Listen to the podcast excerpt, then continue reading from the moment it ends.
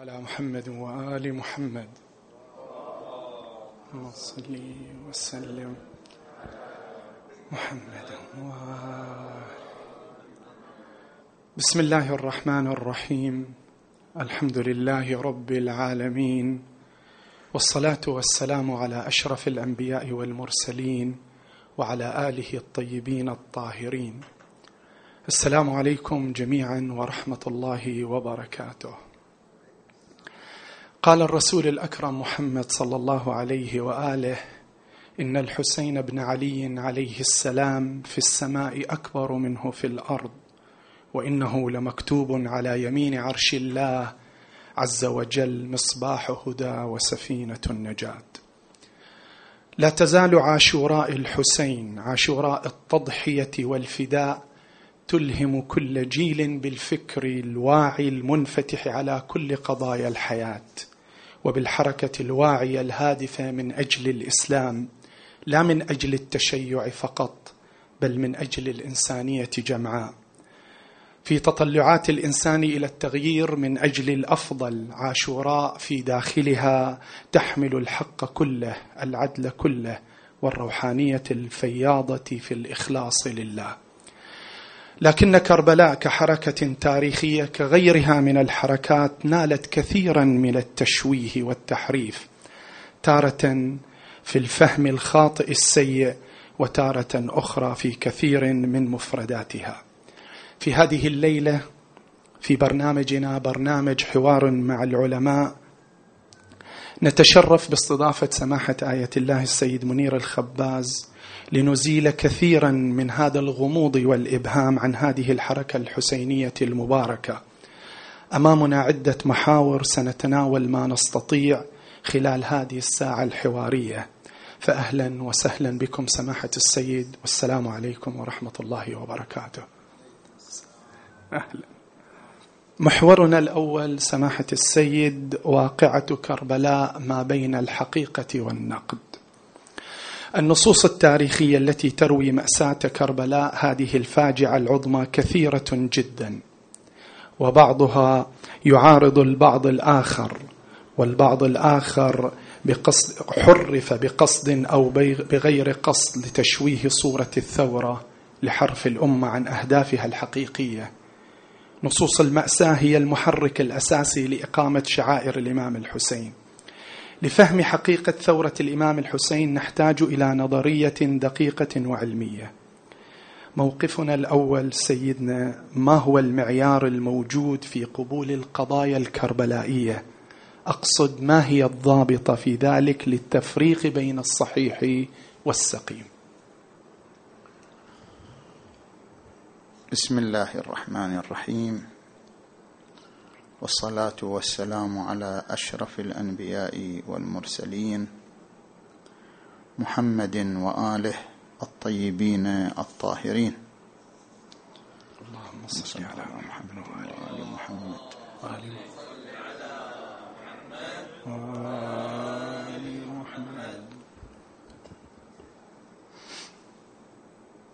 في البداية طبعا أنا طالب من طلبة العلم يعني أنا لا آية الله ولا نصف آية الله ولا ما أنا أحد طلبة العلم وأتكلم بما أعلم وبما أعرف زين عندما نأتي إلى الضابطة في تقويم الرواية أو القصة الواردة في معركة كربلاء أو غيرها من القصص التاريخية كتاريخ الإمام علي عليه السلام أو تاريخ الإمام الحسن عليه السلام. فلا بد أن نفرق بين عناوين ثلاثة النقل التاريخي والتحقيق التاريخي والتحليل التاريخي.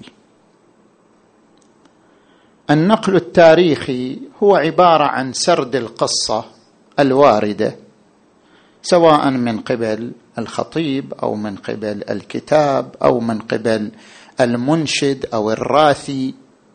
سرد القصة كما هي في الكتاب هذا السرد يسمى بالنقل التاريخي. النقل التاريخي لا يحتاج إلى الاعتبار التحقيقي. يكفي فيه الاعتبار التاريخي. الإمام الشيخ محمد حسين كاشف الغطاء في كتابه جنة المأوى ذكر أن الاعتبار التاريخي غير الاعتبار التحقيقي. الاعتبار التاريخي يعني أن لا يكون المؤرخ كاذبا. أي مؤرخ لم يعرف بالكذب يجوز أن نأخذ من تأريخه. مثلا نحن ننقل عن المسعودي ننقل عن ابن الجوزي ننقل عن الطبري. هؤلاء من المؤرخي مذاهب الأخرى. مع ذلك ننقل عنهم لأن المؤلف ما لم يعرف بالكذب ينقل عنه. إذ المقصود بالنقل التاريخي هو سرد القصة كما وردت في الكتاب المؤلف من قبل هذا المؤرخ الذي لم يعرف بالكذب. نجي إلى التحقيق التاريخي. التحقيق التاريخي عندما نريد أن نستنبط من الرواية التاريخية تشريعا أو نستنبط من الرواية التاريخية عقيدة. هنا نحتاج إلى تحقيق الرواية نحتاج إلى تنقيب الرواية نحتاج إلى أن نعرف ما هي القرائن على صحة هذه الرواية لأننا الآن لسنا في مقام السرد وإنما في مقام استنباط تشريع أو تأسيس عقيدة أو دعم عقيدة معينة. لأجل ذلك لا بد من تحقيق الرواية. إما بأن يكون سندها سندا صحيحا أو تجتمع القرائن التي توصلنا إلى الوثوق العقلاء بهذه الرواية وهو ما يعبر عنه بدليل حساب الاحتمالات. نعمل دليل حساب الاحتمالات حتى نصل إلى الوثوق بصدور هذه الرواية. مثلا أذكر من باب المثال من باب التحقيق تحقيق التاريخي لنفترض مثلا عندما نأتي إلى معركة الإمام علي مع الجيش الأموي أو معركة الإمام علي مع الخوارج. هذا تاريخ لكن هذا يترتب عليه أحكام شرعية أحكام البغاة في الإسلام. لذلك جميع المذاهب أخذت أحكام البغاة من هذا التاريخ. تاريخ الإمام علي مع من خرج عليه.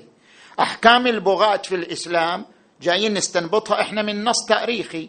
اذا لابد أن يثبت هذا النص التاريخي إما بصحة السند أو بدليل حساب الاحتمالات حتى نعتمد عليه في مقام الاستنباط. أو نجي لعقيدة معينة. مثلا عندما نأتي إلى البلاذري في كتاب أنساب الأشراف. البلاذري ينقل لنا أن الإمام الحسين اعترض على الإمام الحسن في صلحه. هذه هنا مسألة عقيدة. مع اعتراض الحسين على الحسن معناه أن أحدهما مخطئ معناه أن أحدهما ليس معصوم. إذا ارتبطت الرواية بمعتقد وليست مجرد رواية لأنها رواية ارتبطت بمعتقد اذا لا بد من تحقيقها. معرفة صحة سندها أو معرفة توافر القرائن على صحتها. هذا العنوان الثاني تحقيق تاريخي. عنوان الثالث تحليل تاريخي. نأتي لهذا التاريخ. نريد أن ننتزع منه مفهوم ما رواه المؤرخون لكن نحن ننتزعه بتحليلنا. مثلا عندما نأتي إلى قضية معركة أحد معركة أحد جدا معركة تحتاج إلى تحليل. وما زالت إلى الآن هي بكر تحتاج إلى تحليلات كثيرة. المشركون في معركة أحد وصلوا إلى النبي. واستطاعوا أن يقتلوه ولم يقتلوه. لماذا؟ وصلوا إليه. ووصلت سيوفهم إليه. وجرح وجهه كسرت رباعيته. يعني أسنانه. أثخن بالجراح. كاد أن يقتل ما قتلوه. لماذا؟ مسألة تحتاج إلى تحليل. هذا يسمى تحليل تاريخي. أريد أن أنتزع لماذا قريش أجلت قتل الرسول. كان باستطاعتها أن تقتله ذلك اليوم. ليش قريش أجلت قتل الرسول إلى موعد آخر إلى فرصة أخرى؟ ما هو هذا المخطط الذي كانت قريش تطمح إليه من خلال تأجيل قتل النبي صلى الله عليه وآله؟ هذا يسمى تحليل تاريخي. التحليل لابد أن يعتمد على النص الثابت إما بالقرائن أو بالسند الصحيح. فعندنا نقل وتحقيق وتحليل. إذا بنرجع للنقل نعم. نرجع للنقل التاريخي؟ نرجع للنقل. النقل التاريخي. نرجع. إلى النقل التاريخي. لو طبقناه على إيه، كربلاء. ما يمارسه الخطباء وأنا منهم. نعم. إحنا نمارس النوع الأول النقل التاريخي. سرد الرواية كما هي. يعني كما هي وردت في الكتاب سرد الرواية كما هي. الروايه المتعرضة إلى مصيبة مثلا مصيبة من مصائب الطف يوم عاشوراء. إحنا حتى نفهم هذه النقطة مسألة النقل التاريخي. بالاعتبار التاريخي وليس بالاعتبار التحقيقي. بالاعتبار التاريخي أحسنتم. نعم. نحن عندما نمارس السرد أو النقل التاريخي. هنا عندنا عدة ملاكات بحسب تعبير الحوزوي أو عدة ركائز. الركيزة الأولى أن يتجنب الخطيب عنوان الكذب أنه لا يكذب. كيف يتجنب عنوان الكذب؟ إما بقصد الإنشاء أو بقصد الإخبار عن الكتاب أو عن من سمع منه لا بقصد الإخبار عن الواقع. خطيب عندما يجي إما أن ينشئ القصة مثل أي واحد قصاص يقوم يوقف ينشئ لنا قصة. إحنا ندري القصة ما لها واقع بس هو ينشئها كرواية كقصة لغرض لهدف ما. مثل الشاعر تماما دعبل الخزاعي عندما يجلس أمام الإمام الرضا عليه السلام ويقول أفاطم لو خلت الحسين؟ هو يخاطب فاطم هذا مجرد إنشاء إنشاء أدبي لأنه قاعد يخبر عن الواقع. هو ينشئ إنشاء ادبيا. أفاطمة لو خلت الحسين مجدلا وقد مات عطشانا بشط فراتي.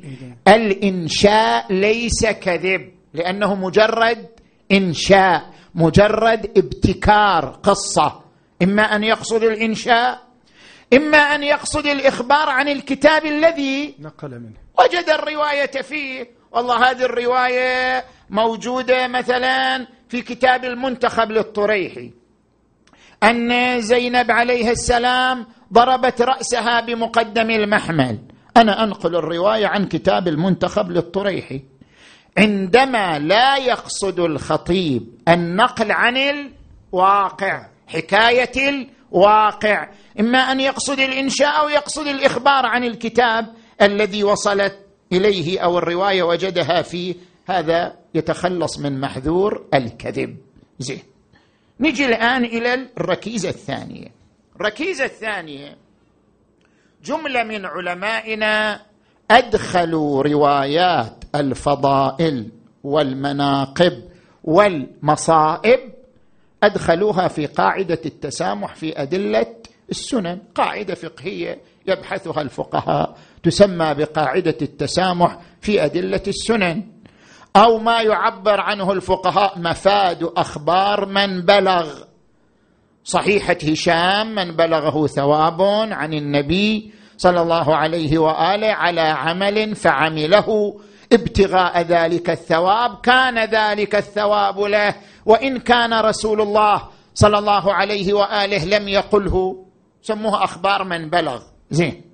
هذه أخبار من بلغ. طبعا بحث فيها الفقهاء في جهة جهة أن القاعدة ثابتة أو غير ثابتة. هل أن مفاد أخبار من بلغ الإرشاد إلى حكم العقل بحسن الانقياد والثواب على الانقياد؟ كما هو مبنى السيد الخوي يقول القاعدة غير ثابتة. أو المبنى الآخر أن هذه الروايات مفادها الوعد من الله بالثواب على العمل بأي رواية وإن لم تكن صحيحة من باب الالتماس لثوابها. هذا رأي ثاني. رأي ثالث من يقول بأن لا القاعدة ثابتة وتعني أن كل خبر يرد في المستحبات فيثبت به الاستحباب. وإن كان الخبر ضعيفا هذا رأي ثالث. الرأي الرابع الذي يقول لا أصلا هذه الروايات خاصة بالأخبار الصحيحة ولا تشمل الأخبار الضعيفة كما طرحه السيد الأستاذ المرجع الأعلى سيد السيستاني دام ظله. فأكو خلاف في مفاد أخبار من بلغ المسمات بقاعدة التسامح في أدلة السنن. ثابتة أو غير ثابتة؟ نجي إلى الأمر الثاني. فرضنا أن القاعدة ثابتة. هل تنطبق على الروايات التاريخية الواردة في ذكر المصائب والمناقب أم لا؟ هذا بحث ثاني عند الفقهاء. اذا الفقيه الذي يرى القاعدة قاعدة التسامح في أدلة السنن ويرى شمولها للأخبار التاريخية بإمكانه أن يقول نعم للخطيب أن يذكر هذه الروايات زين ما دام لا يعلم كذبها بإمكانه أن يذكرها ويكون ذكرها مصداقا للإبكاء والإبكاء أمر مستحب عند كل فقهائنا. في قضية الحسين عليه السلام. زين. نجي إلى الركيزة الثالثة. أن هذه الروايات تندرج في إحياء أمر آل البيت.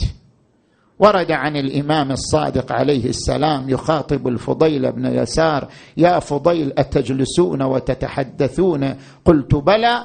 قال تلك المجالس أحبها. فأحيوا فيها أمرنا. ورد عن الإمام الرضا عليه السلام من جلس مجلسا يحيا فيه أمرنا لم يمت قلبه يوم تموت القلوب. هذه الروايات التي تتضمن مصائب أهل البيت حتى لو لم ندري هي صحيحة أو غير صحيحة نحن لا ندري. مع ذلك ذكرها إحياء لأمر أهل البيت لأن في ذكرها ترسيخا لمظلومية أهل البيت. في ذكرها ترسيخ لفواجع أهل البيت عليهم السلام فهي في حد ذاتها إحياء لأمر أهل البيت صلوات الله عليهم أو ترسيخ لمودتهم. الثابتة في القرآن الكريم قل لا أسألكم عليه اجرا إلا المودة, إلا المودة في القربى. لأجل ذلك ترسيخ مودتهم بذكر فضائلهم ونشر مصائبهم أمر مرغوب أمر محبوب أمر قربي. وإن لم نعلم أن هذه الرواية صحيحة المهم أن لا نعلم كذبها. كذبها. نحن نعتمد على الكتاب الذي روى هذه الرواية الواردة في هذه المصيبة المعينة. زين. الملاك الرابع. نجي إلى الملاك الرابع. كون خطيب لا. خطيب يقول أنا هذه الملاكات السابقة صحيحة. ذكر الرواية التي لا نعلم كذبها ليس كذب. ما دمت لا أقصد الإخبار عن الواقع. ذكر الرواية التي لا أعلم كذبها من موارد قاعدة التسامح في أدلة السنن لأن الإبكاء أمر مستحب لا بأس. ذكر الرواية التي لا أعلم كذبها من باب إحياء أمر أهل البيت وهو عبادة وقربة مستحبة. كل هذا جيد. أنا لا أنا كخطيب أريد أن مثلا أن أعرف بأنني محقق مدقق في الروايات. لأجل ذلك لا أكتفي بأن الرواية لم أعلم كذبها. أنا حتى أوسم في المجتمع بأنني خطيب مدقق محقق في الروايات. أريد أن أصل إلى هذه الدرجة إلى هذه الرتبة. هنا تجاوزنا النقل التاريخي. هنا بالنتيجة أحتاج إلى عنصرين آخرين. يعني ما يكفي أن الرواية لا أعلم كذبها نعم. أحتاج إلى عنصرين آخرين. العنصر الأول أن يكون الكتاب من كتب العلماء المعروفين بالتحقيق والتدقيق أن يكون الكتاب كذلك. طبعا إحنا ما في عندنا كتاب كله صحيح. صحيح. حتى لو بلغ العالم ما بلغ. كتاب الكافي فيه الصحيح وفيه غير الصحيح وهو أجل الكتب الحديثية عند الإمامية. اذا المهم أن المؤلف رجل عالم محقق فالكتاب معتبر في المجموع بما هو مجموع لأنه صدر عن مؤلف معتمد. زين؟ هذا العنصر الأول. العنصر الثاني أن لا يكون في الرواية مضمون يتنافى مع كرامة الإمام. عظمة الإمام المعصوم أو عقيدتنا في الإمام المعصوم أو تاريخ وسيرة الإمام المعصوم. أنا أضرب مثال حتى لا أطيل. هذه الرواية رواها سيد المرتضى علم الهدى. وهو من أجلة علمائنا الأبرار رواها في كتاب تنزيه الأنبياء. شوفوا هذه الرواية في كتاب تنزيه الأنبياء صفحة 177 روي أنه صلوات الله وسلامه عليه يعني الإمام الحسين عليه السلام قال لعمر بن سعد اللعين. طبعا اللعين هو تعبير السيد زين. اختاروا مني. يعني أنا أعطيكم خيارات. اختاروا مني. إما الرجوع إلى المكان الذي أقبلت منه أرجع المدينة أو أن أضع يدي في يد يزيد فهو ابن عمي ليرى في رأيه. وإما أن تسيروني إلى ثغر من ثغور المسلمين. فأكون رجلا من أهله لي ماله وعلي ما عليه. وعمر كتب عمر بن عب عمر بن سعد كتب إلى عبيد الله ابن زياد اللعين بما سئل. فأبى عليه. نعم, نعم. فأبى عليه. قال له لا لا تقبل منا أي خيار. وكاتبه بالمناجزة لابد من قتله. زين؟ فلما رأى إقدام القوم على قتله كذا حاربهم. هذه الرواية وإن رواها السيد المرتضى علم الهدى وهو من أجلة علماء المذهب من أوتاد المذهب. لكننا لا نقبل هذه الفقره من الرواية. أو أذهب إلى يزيد واضع هذا كل الغاء إلغاء للمشروع الحسيني بأكمله. أصلا المشروع الحسيني حقيقته في رفض البيعة. بيعة يزيد. مشروع الحسين هو رفض بيعة يزيد. يا أمير نحن أهل بيت النبوة وموضع الرسالة ومختلف الملائكة. ويزيد رجل شارب للخمر قاتل للنفس المحترمة. ومثلي لا يبايع مثله. وقال يوم عاشوراء ألا وإن الدعي ابن الدعي؟ يقصد عبيد الله بن زياد. قد ركز بين اثنتين بين السلة سلة السيف أو الذلة يعني بيعة يزيد. وهيهات منا الذلة. يأبى الله لنا ذلك ورسوله والمؤمنون إلى آخر كلامه. إذا هذه الرواية بهذه الفقرة إلغاء للمشروع الحسيني ضرب لي آه، مقام الحسين عليه السلام وهو مقام رفض الذل ذل منصب الإمامة. لذلك نحن لا نقبل الرواية. هذا ما أردت عرضه في تمييز الروايه المقبولة من غير المقبولة على مستوى النقل المنهج الحوزوي الذي يفرق بين النقل التاريخي والتحقيق التاريخي والتحليل التاريخي. ما عليه سيدنا نعم. اسمح لي على المقاطعة. ملخص ما أفهمه منك في مستوى النقل التاريخي على المنبر الحسيني. نعم. سمتين. السمة الأولى تجنب الكذب. والجهة الثانية أن لا يروى شيء يخدش عصمة الإمام وكرامة الإمام فهذا يعد مقبولا على المنبر الحسيني قبل مرحلة التحقيق التاريخي. أي أن لا يخدش نعم مقام الإمام مقام. المعصوم. نعم. وعدم وبعلم الخطيب بأن هذا ليس إنشاء للكذب. يعلم يحاول أن يتجنب الكذب إما أن ينقل من كتاب وإن لم يتحقق منه. نعم يعني حتى لو لا ندري أن الرواية صحيحة أم لا يجوز له نقلها ما دام لا يقصد الإخبار عن الواقع. نعم. نعم طيب. أنا الآن في الوقفة الثانية عندي مقدمة بسيطة بسؤال.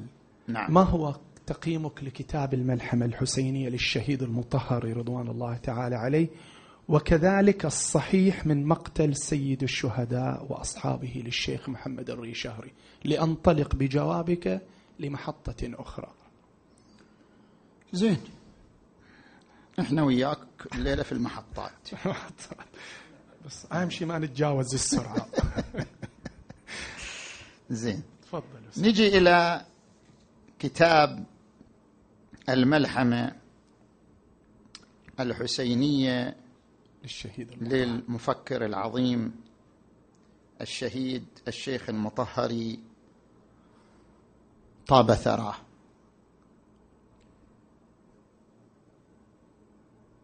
نحن لا ندخل طبعا أن الكتاب صحيح أو مو صحيح لأن بعضهم قال إنه ليس. أصلا ما صدر من الشيخ المطهري بعضهم قال لا ثابت الكتاب للشيخ المطهري لأنه مجموعة محاضرات. يعني الشيخ ما كتبه في حياته ونشره. مجموعة محاضرات جمعت بعد وفاته طبعت بعنوان الملحمة الحسينية.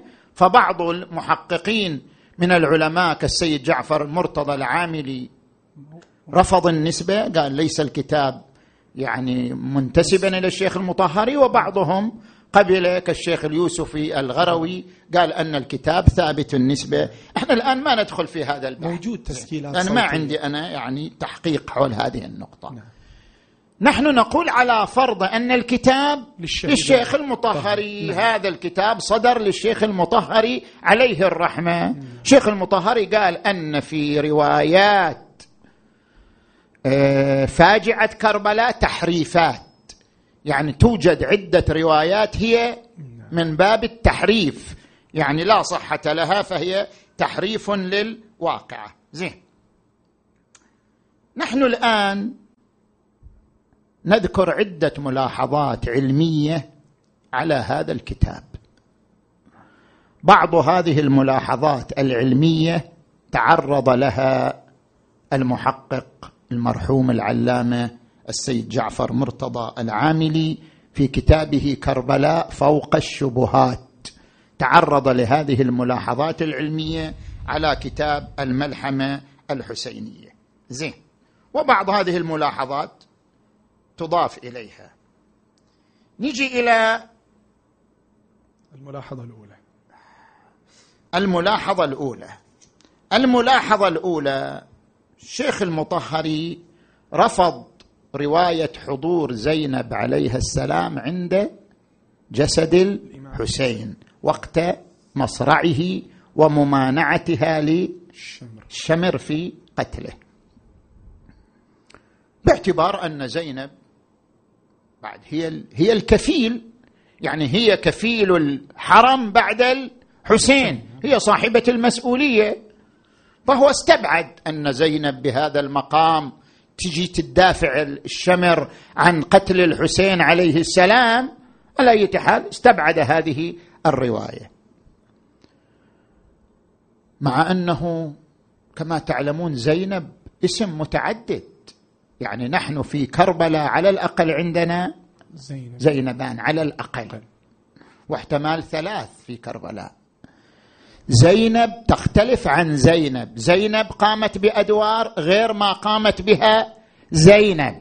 والتمييز بينهما بزينب العقيلة أو عقيلة الطالبيين. نعم.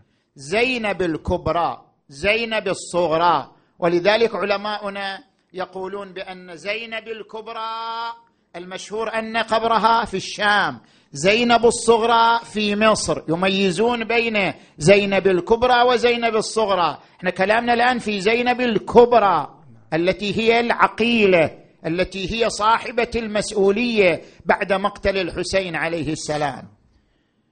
زينب الكبرى نعم زينب الكبرى كانت في الخيمة وكانت تراعي ترعى الخيام وتقوم بالمسؤولية.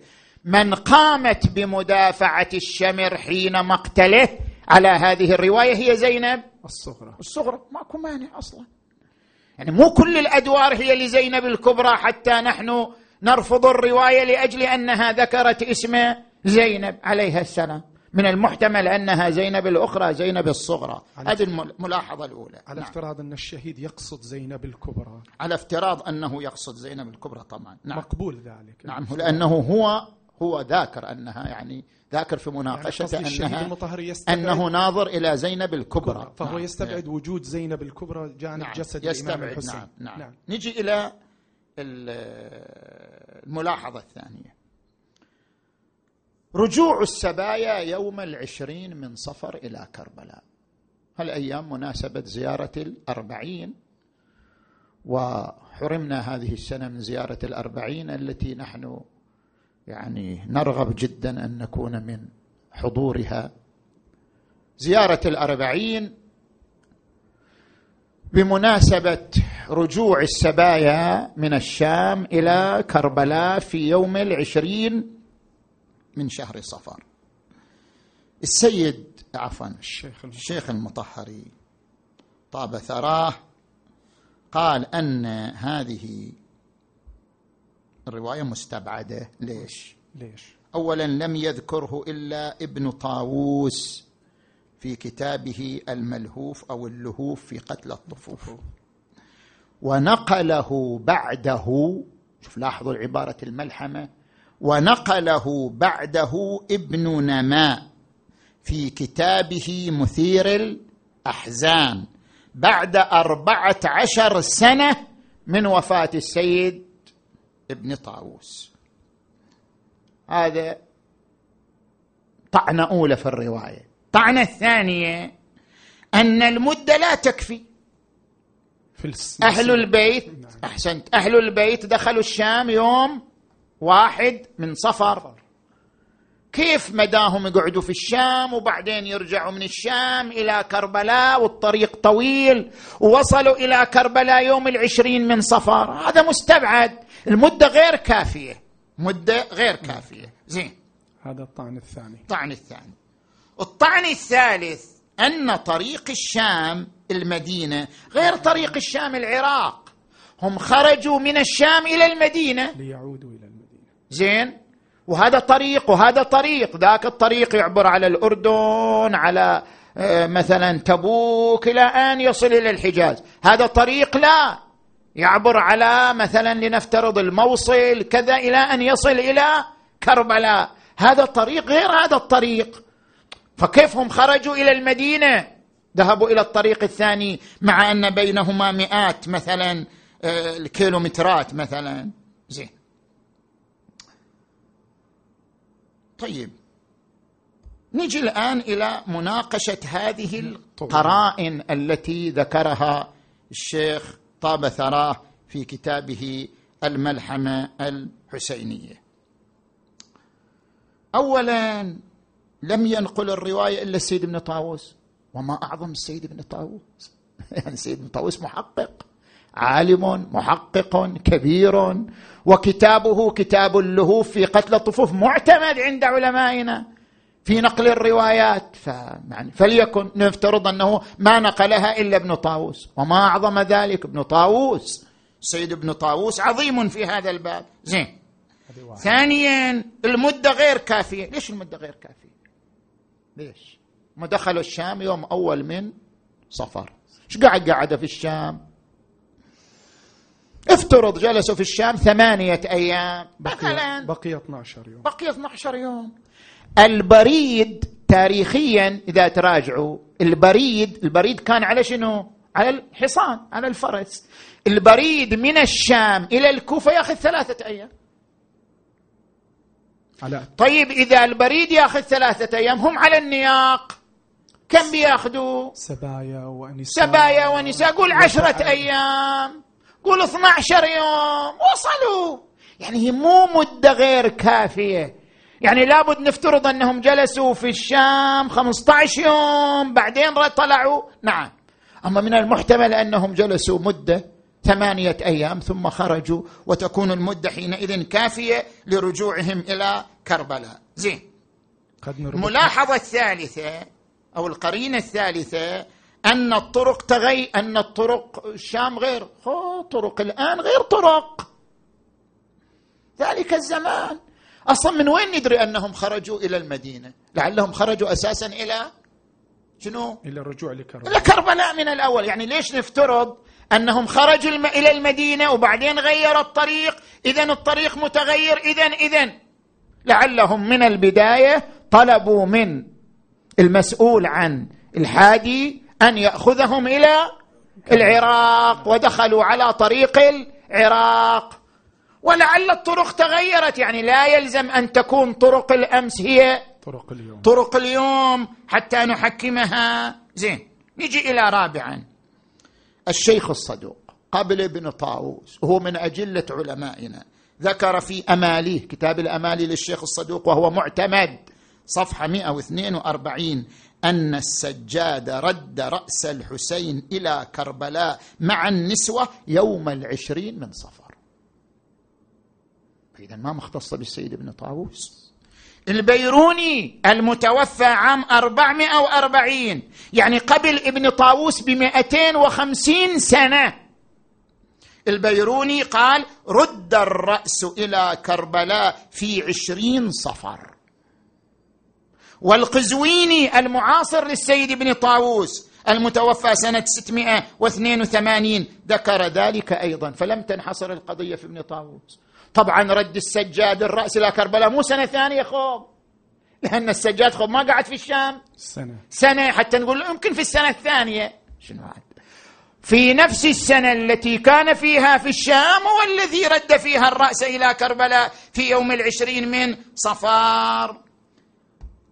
خامسا أكو اشتباه واضح من الشيخ المطهري. طبعا إذا الكتاب هو كلامه.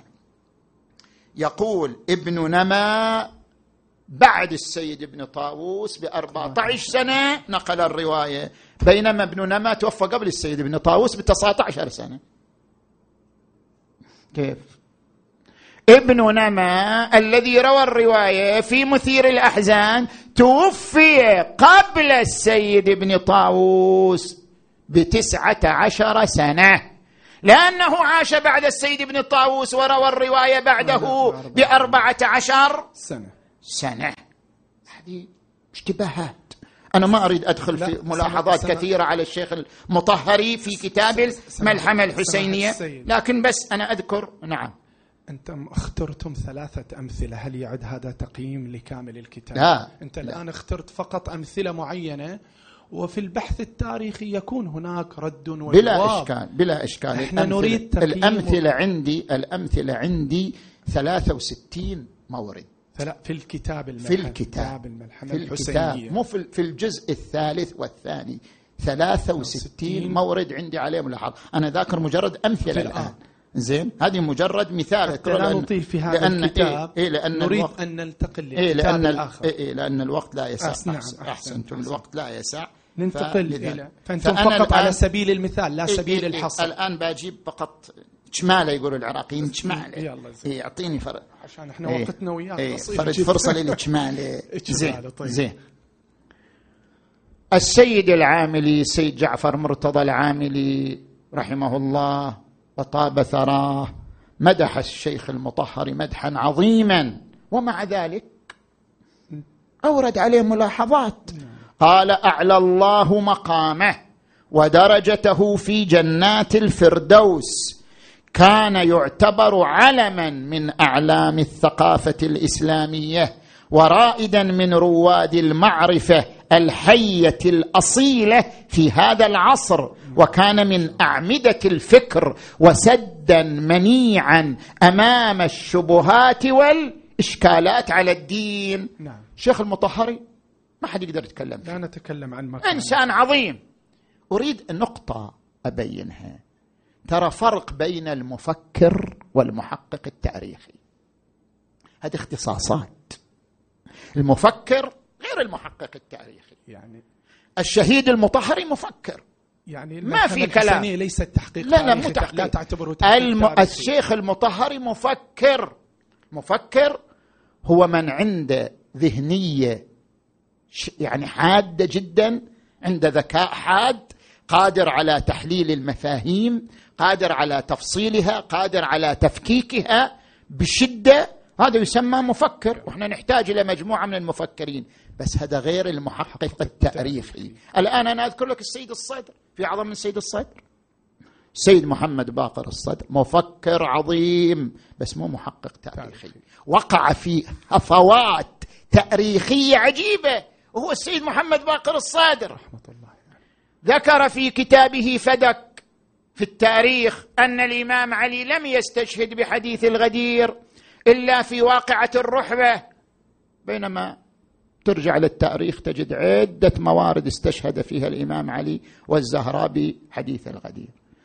سيد الصدر مثلا في بياناته التي صدرت آخر حياته بياناته السياسية قال إن الإمام علي كان يقاتل بالسيف تحت لواء الخلفاء. ما عندنا أي مصدر تاريخي. لا عند أهل السنة ولا عند الشيعة. الإمام علي لم يقاتل بالسيف تحت راية أي خليفة من الخلفاء الذين عاصرهم. ما عندنا أي مصدر تاريخي لهذا. هذه هذه هذه ذكره مو اختصاصه. يعني ذكر أشياء بانيا على وقوعها وهي ليست واقعة. وضح. الشهيد لازم أكمله. الشهيد المطهري رحمه الله مفكر عظيم. لا. ولكنه ليس محققا تاريخيا. ولأجل ذلك قد يقع في هذا وما فيها مشكلة هذه الخطأ يعني. بذكر لك بعد هالنقطه خلصت. لا ما خلصت لك ماله شهيد المطهري في الملحمة الحسينية يقول يقول رسولنا الكريم يقول رسولنا الكريم محمد صلى الله عليه وآله. اللهم صل على محمد وآل محمد. الملك يبقى مع الكفر ولا يبقى مع الظلم. هذا الحديث ما موجود. ما موجود. ما موجود في مجاميعنا الحديثية حديث عن النبي بهذا اللفظ وبهذا. ما عندنا. طيب هو الشهيد يتصور أن الحديث موجود نقله. نعم. ما نقح ما دقق. أن هذا الحديث موجود أو لو نقله. يصير هذا. ولذلك يقول السيد جعفر مرتضى لكل جواد كبوة ولكل عالم هفوة. هو عظيم ولكن قد يخطئ في بعض التأريخيات. السيد الخوي. نعم. رحمه الله. سيد الخوي قدس سر سيدنا وأستاذنا وأستاذ أساتذتنا وزعيم الحوزة العلمية. يحصل منا استدراكات كثيرة في كتبه. في كتاب يقول شيء يستدرك عليه اقصد في القضايا التاريخية والروايات يستدرك عليه في كتاب آخر.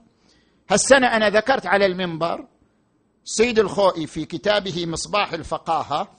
هذا من من من كتبه المعروفة في الحوزة المشهورة في الحوزة مصباح الفقاهة. مصباح الفقاهة السيد الخوئي يقول نعم. الجزء الأول صفحة 422 أن عهد الإمام علي لمالك الأشتر نعم. ليس له سند. ما إلى سند. طيب هو أستاذ الفقهاء والمجتهدين. هو نفس السيد. في كتابه معجم رجال الحديث. اللي جاء بعد مصباح الفقاهة بسنين. في الجزء الثالث صفحة 222 قال هناك طريق صحيح. مو بس ما إلى سند بل طريق صحيح إلى عهد الإمام علي إلى مالك الأشتر. وتصير هذه الاشتباهات. هذا هو. إجمال هذه. هذا نص آه لننتقل الآن من كتاب الملحمة الحسينية. ما سمعنا منك إلا انتقادات. زين. وباعتبار أنه ليس تحقيق تاريخي. الآن نعم. لننتقل يعني خب ما تختلف وياي أن كتاب الصحيح من مقتل سيد الشهداء وأصحابه للشيخ الريشهري أكبر السيد تحقيق. لو الشيخ الريشهري الش... الريش... الريشهري شيخ لو شوفوا تأكد من لا مقتل المقتل إيش؟ الصحيح من مقتل سيد الشهداء عندي الآن للعلامة محمد الرشهر ما يصير نغبطه يعني يعني نظلم حقه ونشوف أنه من السادة أو من المشائخ. زين. الشيخ. الشيخ الريشهري الشيخ الريشهري أشوى علي. اي أشوى علي. زين. للشيخ محمد الريشهري دراسة جامعة شاملة. صحيح. طبعا تعتبره تحقيق تاريخي أول عشان وهو وهو مركز. مركز. هذا مركز دراسات. نعم. يعني الذي قام بهذا الكتاب يعني مركز دراسات. إيه؟ مو فقط الشيخ الريشهري نعم. يعني مجموعة من النخب و يعني مجموعة من يعني الطاقات والخبرات نعم. ساهمت في هذا الكتاب إلى الشيخ وتعتمده الريشهري وأنت تعتمده لا. كخطيب. لا. ليش؟ ما اعتمده. بهذا الجهد. تجبرني أبى أشرب الماء يا لا بهذا الجهد. لا لا نريد يعني مثلا لدرجة الإنسان سيدنا لما يقرأ هذا الكتاب قد ينصدم مع ما يسمعه من المنبر خصوصا هو يسميها المصادر الغير صالحة للاعتماد. يعني مثلا أعطيك مثال سيدنا. نعم. المهتم بالقضية الحسينية أو لنقل المتلقي من المنبر أيام عاشوراء عند مطالعته لكتاب الملحمة الحسيني وهي سلسلة محاضرات عالم باحث كبير. بننتقل. كتاب الصحيح من مقتل سيد الشهداء وأصحابه للريشهري زين. في الواقع هذا الكتاب دراسة جميلة جدا. يجد تعارضا بل تناقض بينها وبين ما يعتمده المنبر الحسيني من الطرح في سيرة الإمام الحسين ككتاب المنتخب للطريحي الشيخ فخر الدين الطريحي النجفي. وهذا فقيه ورجالي ومحقق. كذلك كتاب أكسير العبادات في أسرار الشهادات للفاضل الدربندي. وكتاب الصحيح يعده من المصادر غير الصالحة للاعتماد. نعم. سماحتكم كخطيب تعتمدون أكسير الشهادات في أسرار العبادات. لدرجة أنا بقول جملة للشهيد المطهر قد تثير حساسية الكثير في الملحمة الحسينية. يقول بأن الإمام الحسين استشهد ثلاث مرات سيدنا. الأولى على يد اليزيديين بفقدانه لجسده. الثانية على يد أعدائه الذين شوهوا سمعته وأساءوا لمقامه. الثالثة عندما استشهدت أهدافه على يد أهل المنبر الحسيني. فكيف نوفق بين هذا وهذا؟ بين اعتمادكم. الشهيد المطهر اشتبه في هذه اللفظة إذا كان هو صدرت من لأنه يعني الخطيب الذي ينقل رواية لا يعلم كذبها ولم يقصد الإخبار عن الواقع كي يقال ينقل ما لا يعلم ومشى على طبق الموازين الفقهية التي يذكرها الفقهاء. أنا ذكرت الميزان. الفقهي الميزان الفقهي الحوزوي مو بس أنا أمشي واحد من الناس أمشي عليه. أليس؟ الوائلي خطيب المنبر الحسيني يمشي عليه. الشيخ محمد تقي الفلسفي خطيب المجتمع الإيراني يمشي عليه. إحنا نمشي على الميزان الفقهي الحوزوي. الميزان الفقهي الحوزوي نقل الرواية من كتاب لا بقصد الإخبار عن الواقع بل بقصد الإخبار عن الكتاب الذي نقل فيه. ليس فيه أي محذور شرعي ولا يعد مشاركة في قتل الحسين عليه السلام أو قتل أهدافه. يعني بهالعبارة العظيمة بهالعبارة الضخمة. على اية حال نعم. هذه الرواية لا عفوا عبارة لو لو لو لو, لو صدرت من الشيخ فهي مثلا اشتباه. لو صدرت. زين نجي الآن إلى كتاب الصحيح للعلامة الريشهري حفظه الله وهو جهد كبير وفيه تعب وجهد وبذل يعني للمعلومات وللتحقيق الكبير. زين. نجي الآن إحنا عندنا ملاحظات على الكتاب. ملاحظات منهجية. منهجية. يعني الملاحظة الأولى ذكر الشيخ أن المعيار في صحة الرواية المعيار في صحة الرواية أن توجد الرواية في الكتب ما قبل القرن العاشر. من القرن العاشر يقول هذه مصادر ما أعتمد عليها مو صالحة للاعتماد. كن القرن الخامس السابع إذا درجة ثانية الثامن التاسع. أما مصادر من القرن العاشر فما بعد مصادر غير صالحة للاعتماد. زين؟ وأن تنضم قرائن وأن تنضم قرائن للرواية تفيد الاطمئنان بها. هذا هو معيار الصحة. حتى نعتبر الرواية شنو؟ صحيحة. زين. نحن نقول قبل أن ندخل في الفرز هذا المعيار لابد نثبت صحته علميا.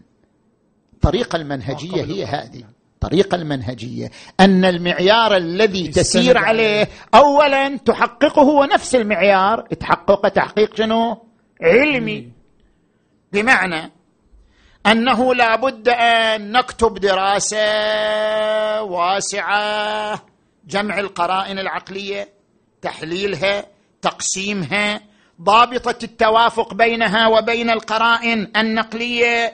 بعد ذلك بعد أن نؤسس منهج علمي ونقيم البرهان على صحته بعد ذلك نعتبره معيارا لصحة الرواية. أما إحنا مباشرة نعتبره معيار لصحة الرواية ونقسم الروايات على أساسه دون أن نثبت صحة هذا المعيار في نفسه. هذا خطأ منهجي. هذا يعني فيها قفزة. خطأ منهجي. هذا اولا هل ستناقشون المعيار الآن؟ لا أنا بس أذكر ملاحظة مق... يعني ملاحظات منهجية. لا أكثر من ذلك. زين. ثم هذه غاية ما توصل للصحة النسبية. يعني صحيح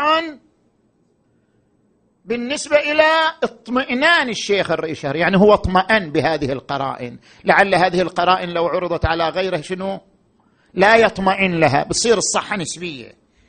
ملاحظة الثانية قال المصادر المتأخرة عن القرن العاشر؟ لا. ليش؟ ليش يعني؟ شنو الدليل؟ المعيار عندنا مستوى المؤلف وما بذله من تحقيق. جاء قبل القرن العاشر أو جاء بعد القرن العاشر شنو مستوى المؤلف؟ نحن عندما نأتي مثلا الآن في زماننا للعلامة السيد جعفر مرتضى العاملي محقق تاريخي. هذا اختصاصه أصلا اختصاص التاريخ. أتعب نفسه في التحقيق التاريخي وهو في القرن الواحد والعشرين. فليكن.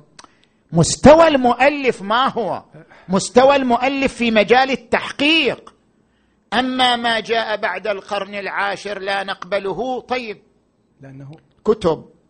كتب. يقول لأنه حتى أنا لا أخطأ. لأنه أقصد يقصد بلا سند. التي ذكرت بعد القرن العاشر الكتاب كان بين يدي يذكر أنه كثير من الأمور خصوصا ما بعد القرن العاشر تذكر من المسلمات بلا سند. نعم. الآن أنا أجي لها النقطة هذه. هذه هي, هي نعم. النقطة الأساسية أحسنتم. الآن. أحسنتم.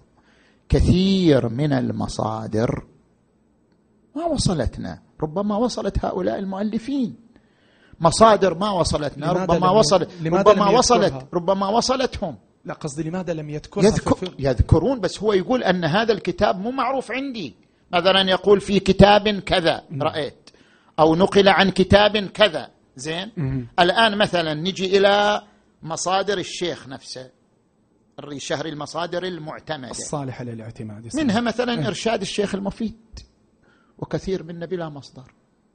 شيخ مفيد بلا كثير من روايته بلا مصدر. روي كذا يذكر الرواية. مع أنه يرى من المصادر المعتمدة لأنه قبل القرن العاشر. إذا قبل من الشيخ المفيد روايات لا سند لها لأنه الشيخ المفيد. فليقبل ممن جاء بعد القرن العاشر وكان عالما محققا. المصادر ما كلها وصلت إلينا.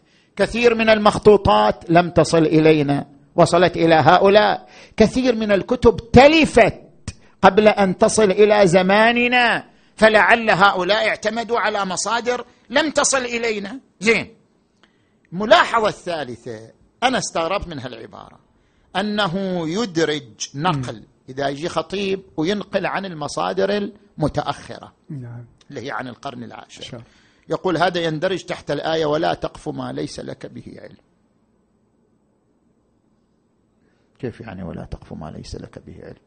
أنا ما قاعد أخبر عن الواقع حتى يصير قفو لما ليس لي به علم.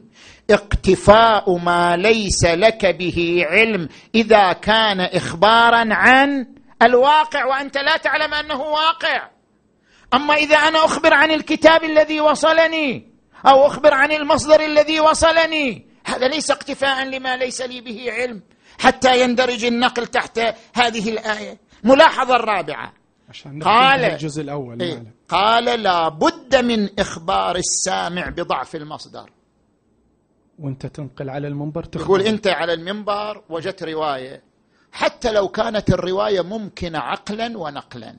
يعني عقلا ما تنافي مقام الإمام نعم المعصوم نعم. ونقلا موجود إليها مصدر. مع ذلك عليك أن تخبر المستمع نبه ترى هذه عن المصدر الفلاني الضعيف. ليش؟ ليش؟ هذا العمل لا يؤدي إلى محرم.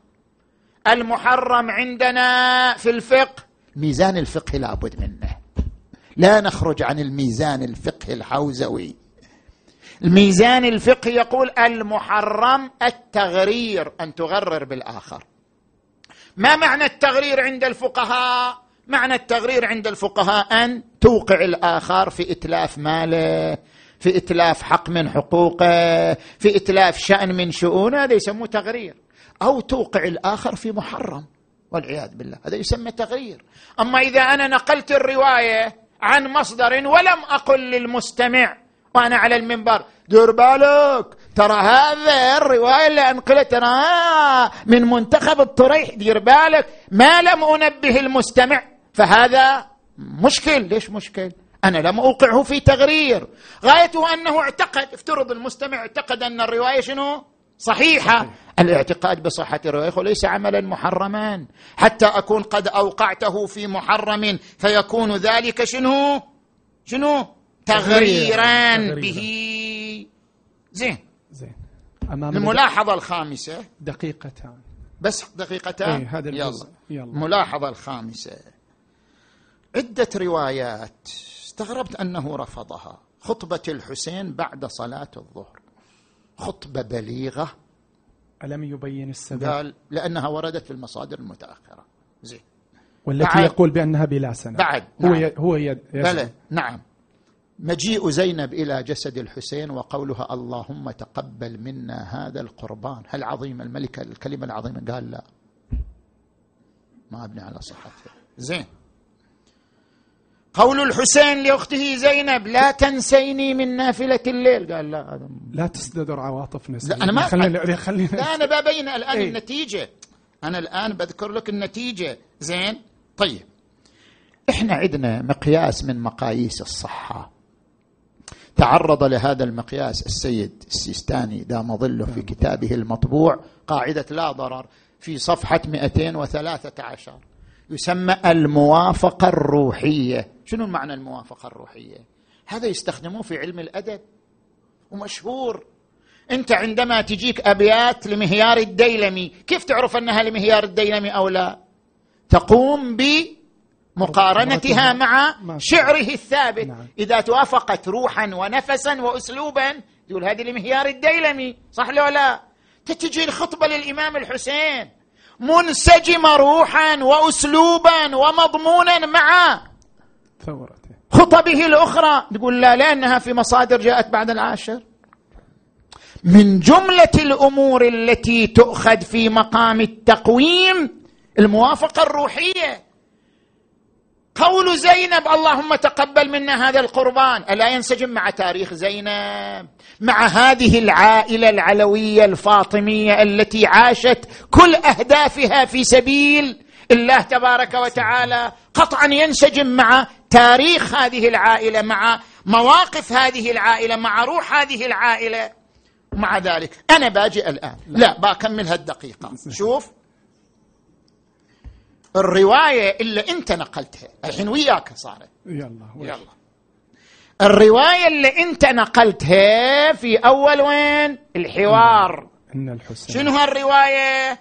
إن الحسين في السماء أكبر منه في الأرض. وإنه لمكتوب عن يمين عرش الله عز وجل مصباح هدى وسفينة نجاة. عن أي كتاب؟ عن عيون أخبار الرضا. نعم هو ينقلها. نعم الجزء الأول تمام صفحة 59 حديث 29 السند في مجاهيل. أحسن. راجعت السند شفت في مجاهيل. أعتمد على حديث فيه مجاهيل. أما رواية تنقل خطبة الحسين وموافقة لمضامين خطبة خطب الحسين الأخرى لا مو معلوم. طيب كيف أنا أي ميزان هذا؟ هذا محل تأمل واستفهام.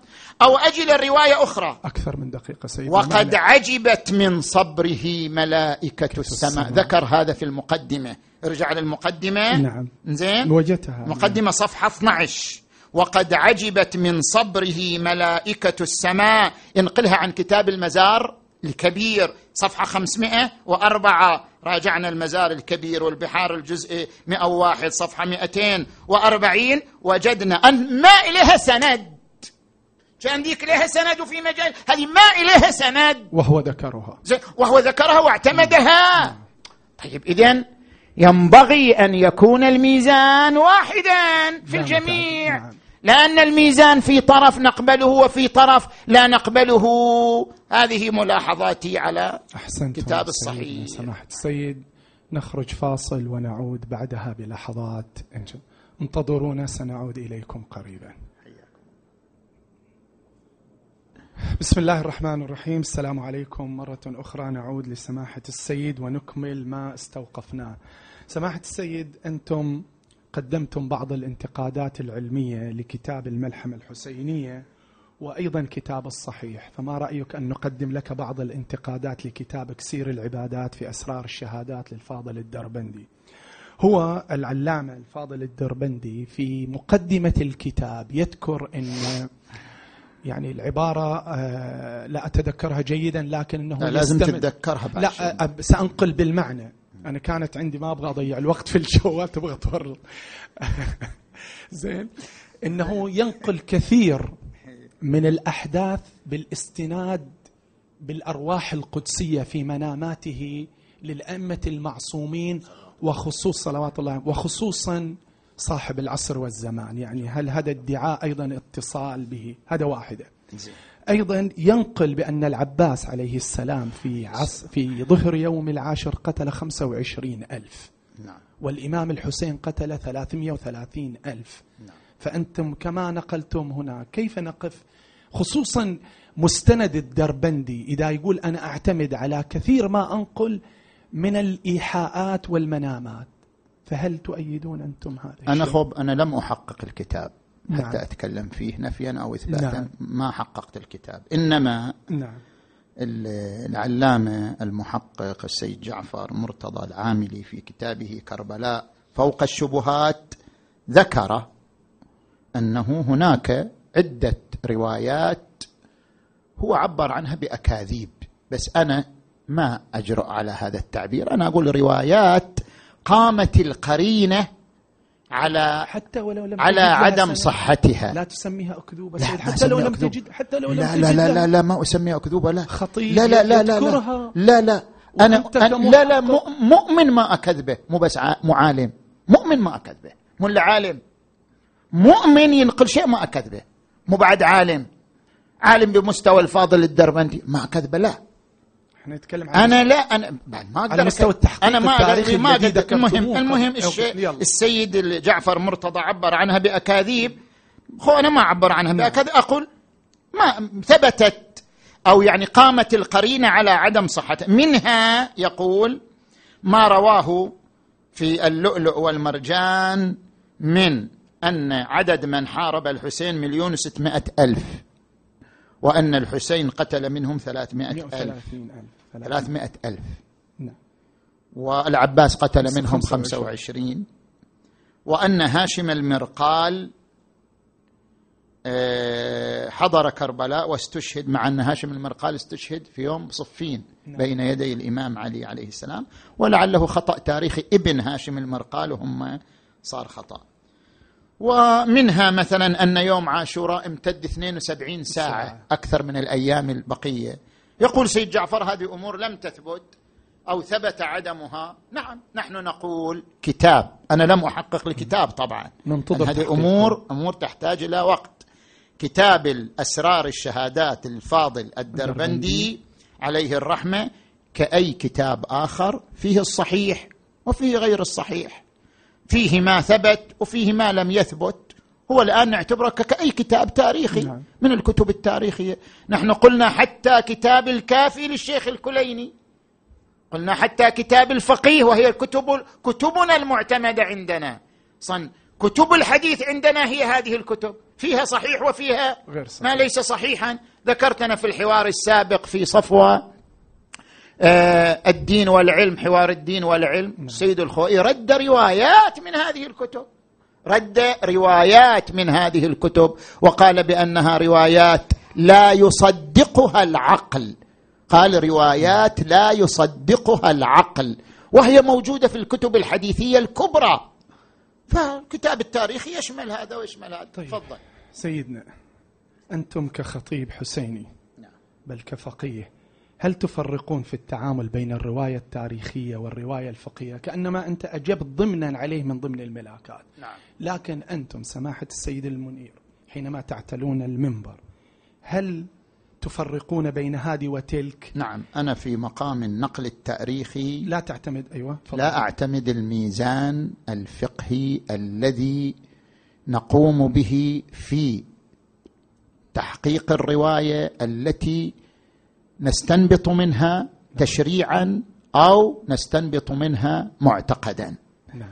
في مقام المنبر وعرفوني ترى أنا نعم. كلاسيكي قديم يعني ترى ها يمكن يمكن واحد يسمع يقول السيد منير يطرح آه، رؤى متجددة على المنبر اذا هو ما ينقل إلا الروايات التي عند الشيخ الريشهري هي صحيحة أو عند آه، مثلا الشيخ المطهر هي صحيحة لا أنا قديم كلاسيكي وستبقى قديم. زين.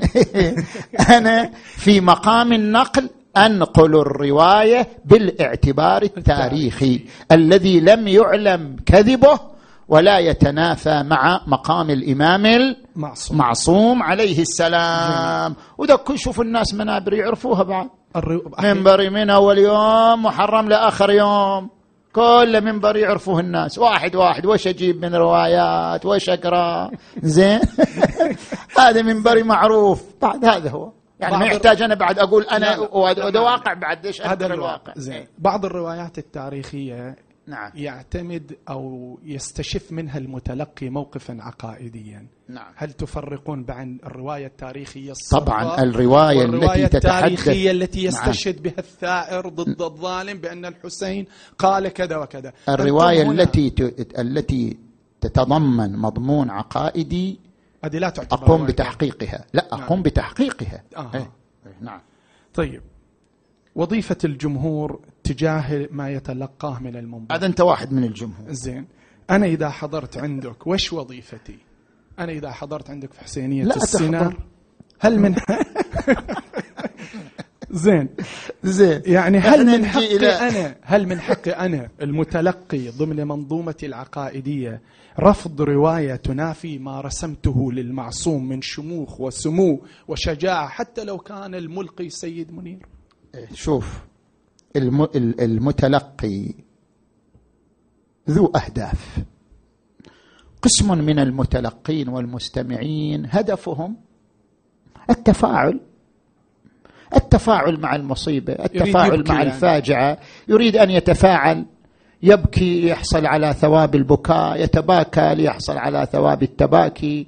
أو وجوده في حد ذاته تكثير للسواد ليحصل على ثواب تكثير السواد في مآتم أهل البيت صلوات الله عليهم وإحياء أمرهم. إذا هدف هذا بعد المفروض أن الخطيب ما فعل محرم. نقل رواية من كتاب وهو حقق هدفه بذلك. نعم. إذا كان المتلقي لا. متلقي يريد هدف آخر وهو تحقيق الرواية بحيث تنسجم مع الموازين الفقهية. في مقام تحقيق الرواية. نعم. إذا كان المتلقي بهذا المستوى من الهدف من حقه. نعم من أجل الوصول إلى هدفه لابد أن يقوم ويفحص عن هذه الرواية المصدر. الآن الشباب قاعدين ترى. يسجلوا. اي يسجلوا عليه الشباب مو قاعد حسين السنان لا الحين الشباب مو قاعد في بيته ويسمع سيد مني. ها وين وين الرواية؟ طلعها طلعها طلعها طلعها. ها ما شفناها هذه ملاحظة. هذا سجل. طبعا هذا الآن الشباب هالشكل يخوف. ما في مانع هو هالشكل. كيف يعني, يعني؟ ما حتى أوضح فكرتي أضرب بمثال. نعم. استجداء الإمام الحسين بطلب الماء. أنا قد لا أستطيع أن أتقبل هذا الإنسان العظيم اسقوني وحق مثلا وحق جدي رسول الله إني عطشان.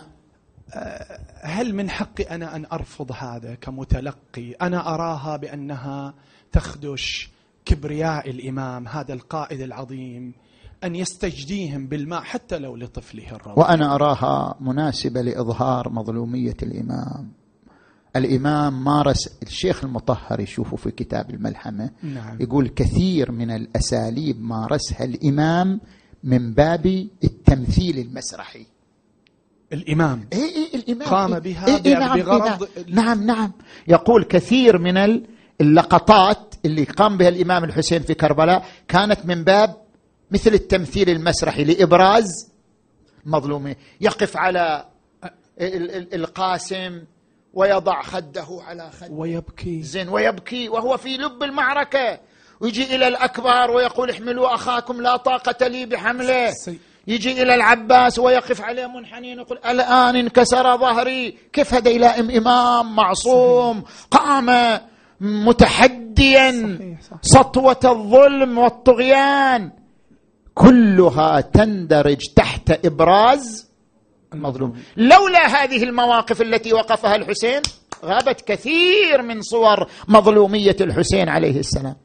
كان له غرض في إبرازها. لعل من هذه المواقف التي أبرز فيها مظلوميته عليه السلام عندما هو هو هو عارف دول يقتلوه يقتلوه وسيقتلونه ظلما وغدرا وعطشا هو عارف هذا. لكن أراد أن يوصل هالكلمة للتاريخ. أن هؤلاء بلغ بهم الجلافة نعم. في الظلم أنهم ما أسعفوه حتى بقطرة ماء. فقال وحق جدي رسول الله إني عطشان. بإبراز طيب. مظلوميته. أنا أقبلها وما أشوفها تخدش في كبرياء طيب الحسين. طيب لا ولا عظمه لا تتنافى وعبارته هيهات من الذل أبدا أبدا. قائد عظيم وسط معركة الإذلال يبكي. الإذلال الجسدي غير الإذلال المعنوي. إيه؟ الإمام الكاظم سجن وضرب. هل هذا إذلال؟ لا ليس إذلال. ممتاز. هذا الإمام زين العاب الإمام زين العابدين أيضا قيدوه يديه زين. الرسول وهو أعظم البشرية أفضل البشرية لما ذهب إلى الطائف رموه بالحجارة. هل هذا إذلال؟ الإذلال الجسدي ليس إذلالا معنويا. الإمام الحسين يعبر عن مظلومية هذا ليس إذلال. وصل هؤلاء من الظلم مو من الظلم لي من الظلم لمن؟ لرسول الله.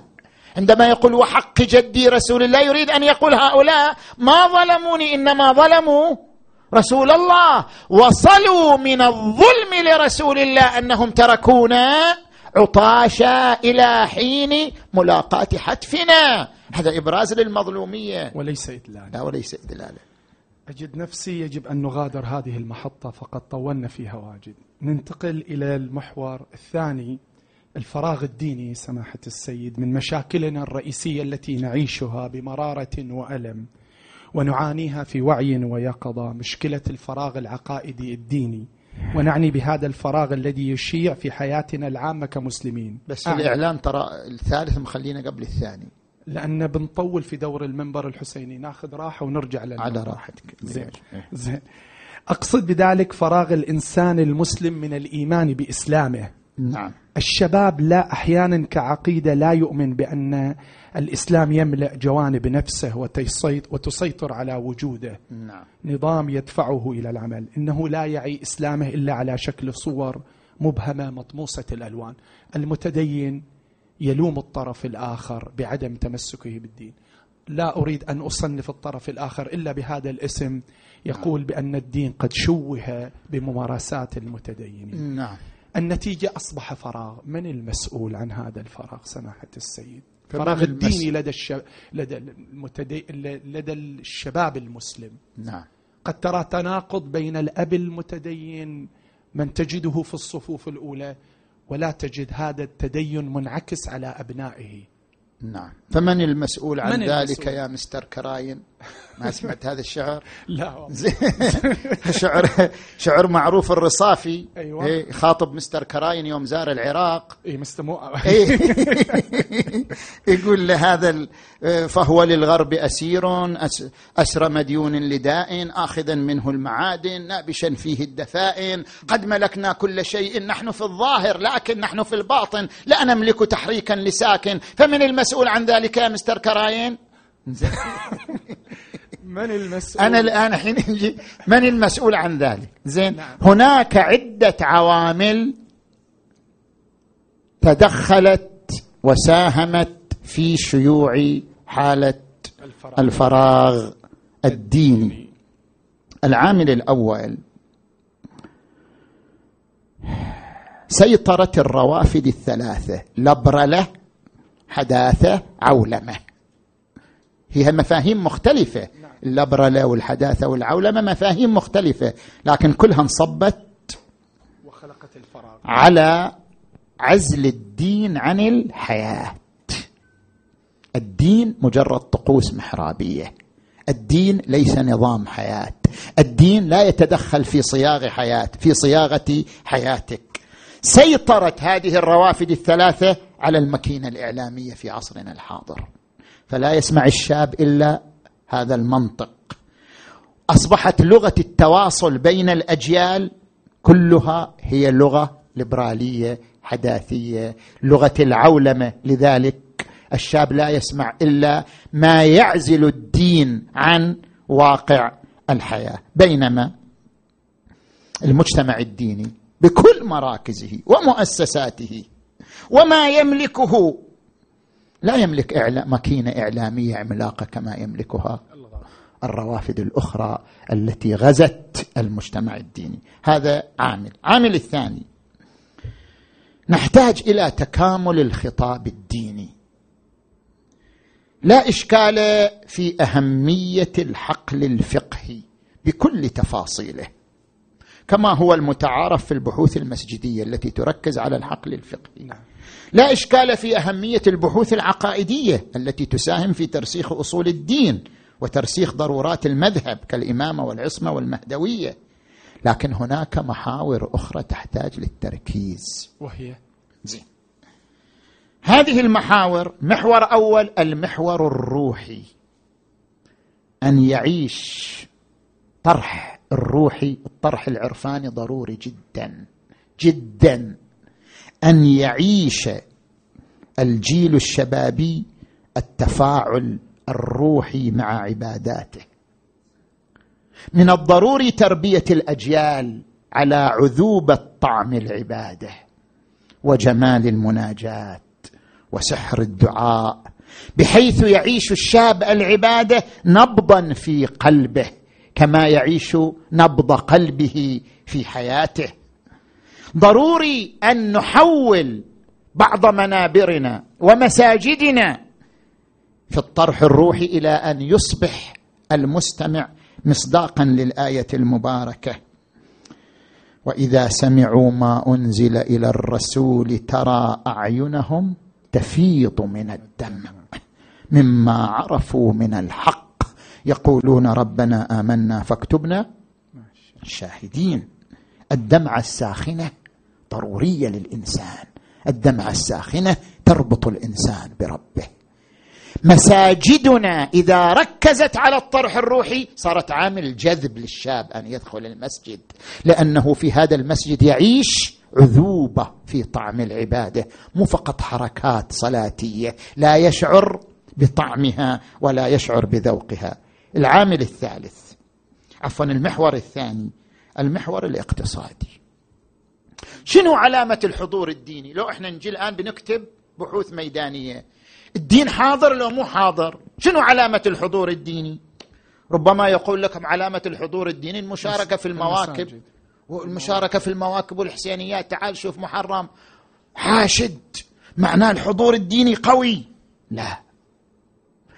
كل الناس تلتقي في أيام عاشوراء بدافع حب الحسين وعشق الحسين وعشق أهداف الحسين وعشق ثورة الحسين. هذا لا يعني أن الدين حاضر بقوة. نعم الحسين حاضر لأنه ثائر بأهداف بمعاني معينة. زين؟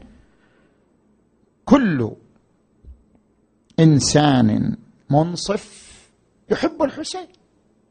كل إنسان منصف يرى الحسين ثائر مو الحسين مصدر فتنة.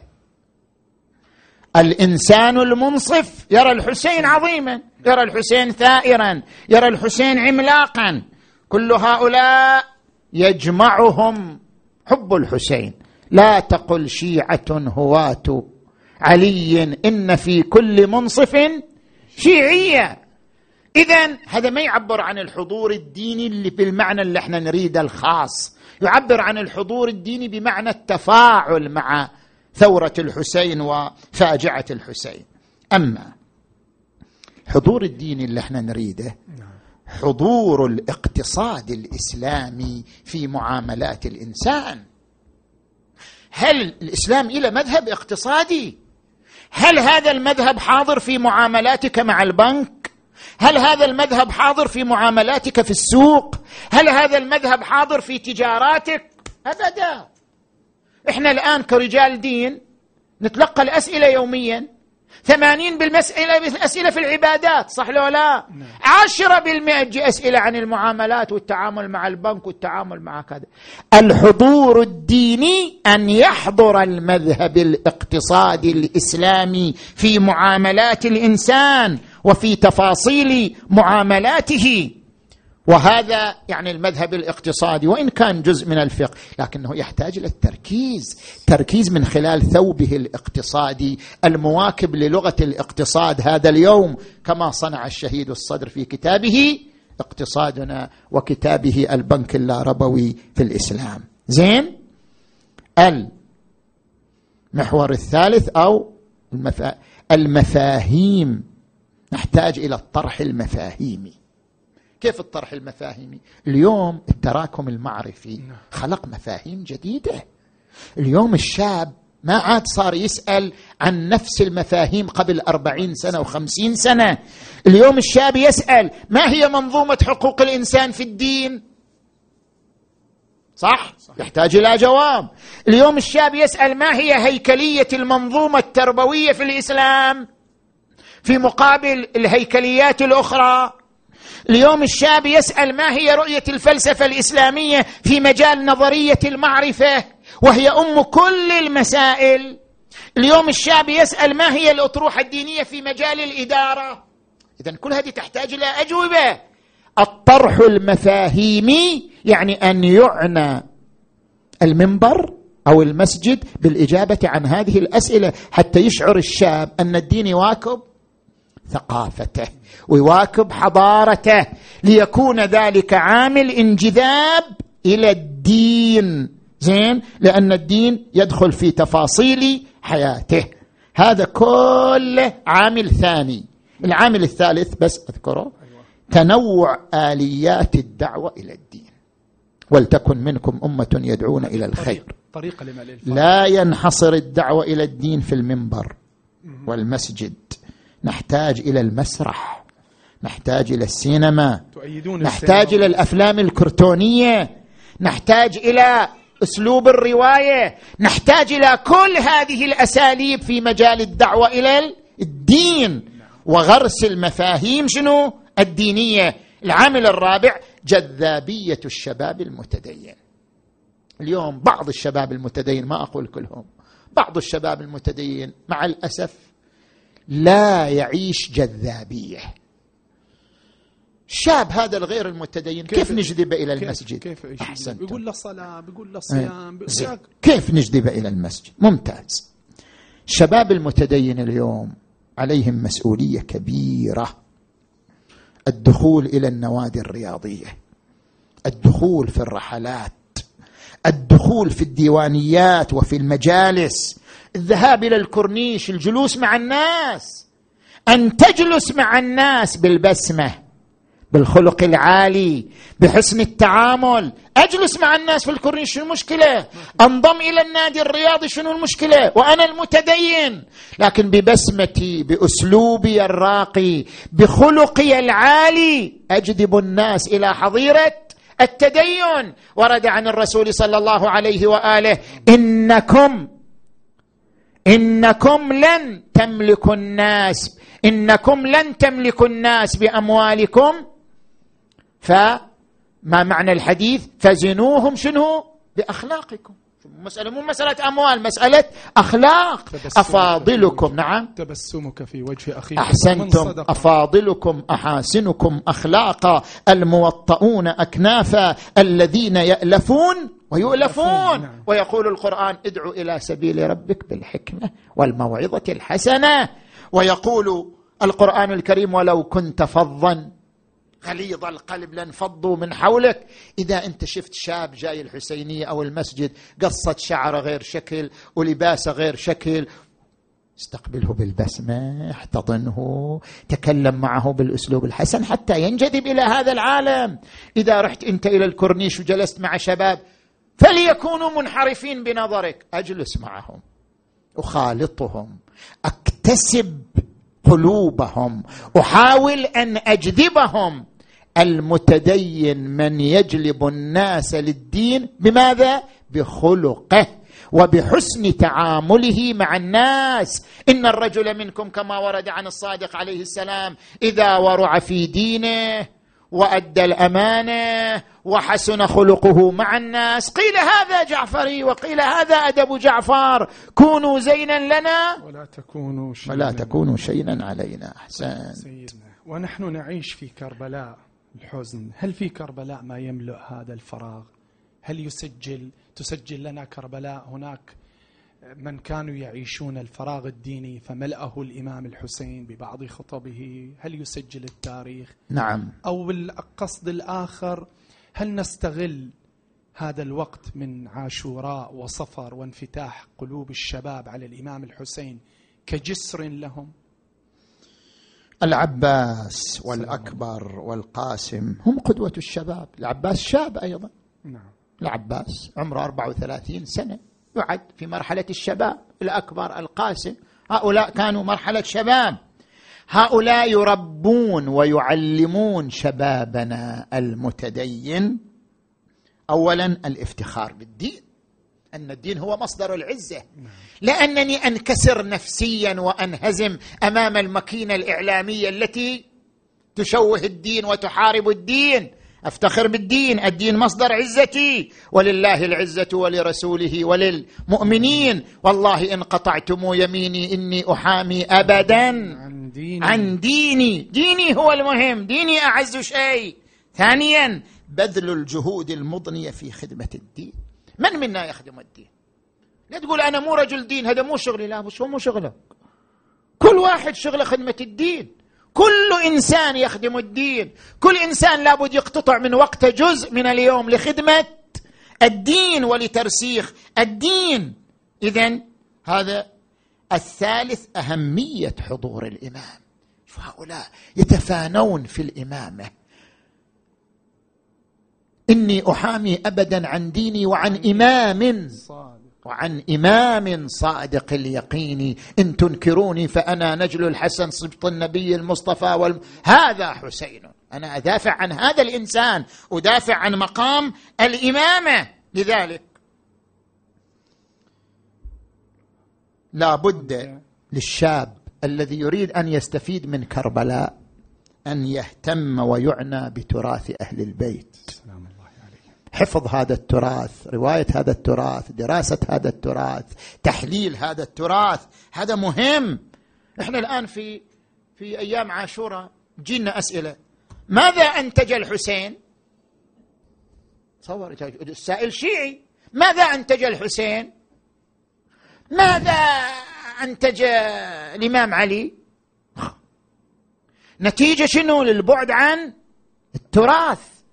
البعد عن التراث هو الذي جعلنا. أنا دخلت في سلسلة. العام الماضي تحدث عن النبي في أيام محرم. السنة تحدث عن الإمام علي. السنة القادمة تحدث عن السيدة الزهراء عليها السلام. كل عام أختار أحد أبطال أهل البيت صلوات الله وسلامه عليهم أجمعين. أتحدث عنه ليتعلم الجيل ماذا أنتج أهل البيت. سلام الله وما هو مستوى تراث أهل البيت.